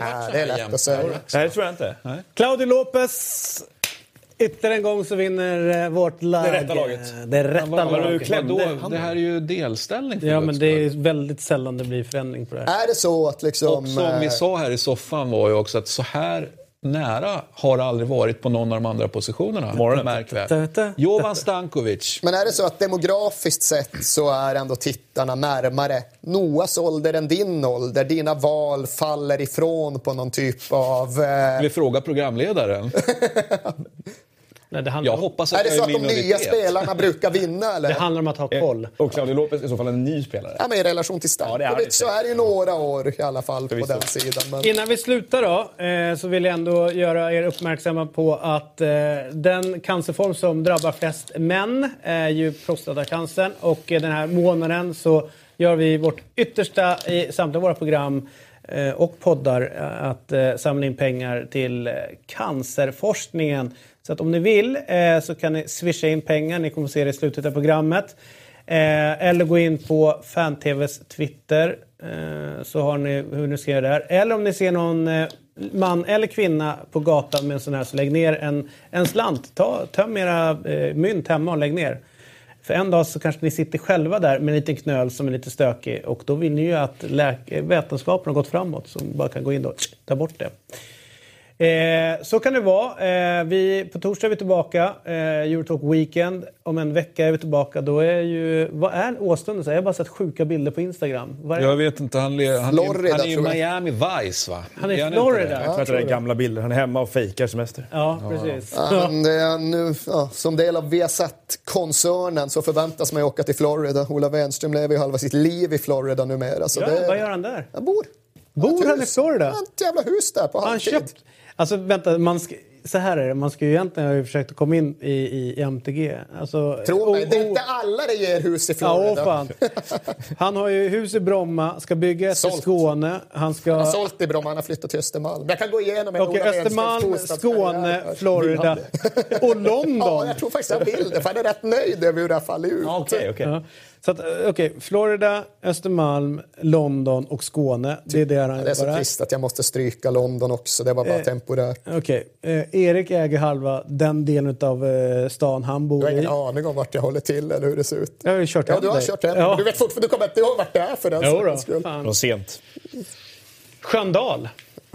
Det är en taxichaufför som har försökt köra mig dit någon gång. Det är Okej, typ grön- en mil söder om stan. Gröndal då? Så är det. Okej, så är det. Micke. Stares gamla hoods. Vi pratade om honom före sändningen. Ja, och sen så, eh, ja, så går det ju bra med folk där. Kul, kul att det går bra för er. Eh, en annan ska åka iväg och tvätta en bil eh, som jag har eh, lånat. Det Eh, är väl bra. tvätta andras bilar Och nu också. börjar Jan Andersson prata om 40 minuter, så vi måste sluta. Härligt! Vi måste göra det. Tusen tack för att ni tittade. Tack Erik. Köp Eriks bok eh, och så vidare och så vidare och så vidare. Hej då! Tja! Ciao!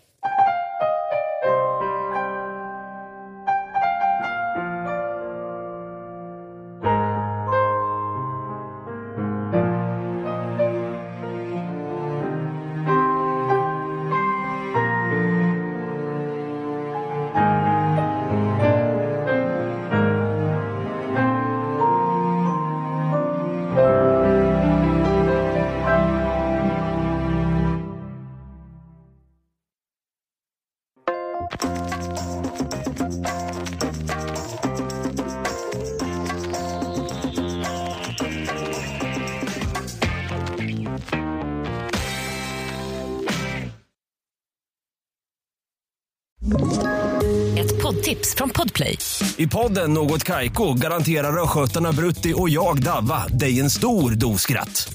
Där följer jag pladask för köttätandet igen. Man är lite som en jävla vampyr. Man har fått lite blodsmak och då måste man ha mer. Udda spaningar, fängslande anekdoter och en och annan arg rant. Jag måste ha mitt kaffe på morgonen för annars är jag ingen trevlig människa. Då är du ingen trevlig människa, punkt. Något Kaiko, hör du på Podplay. Därför arkadeinerna.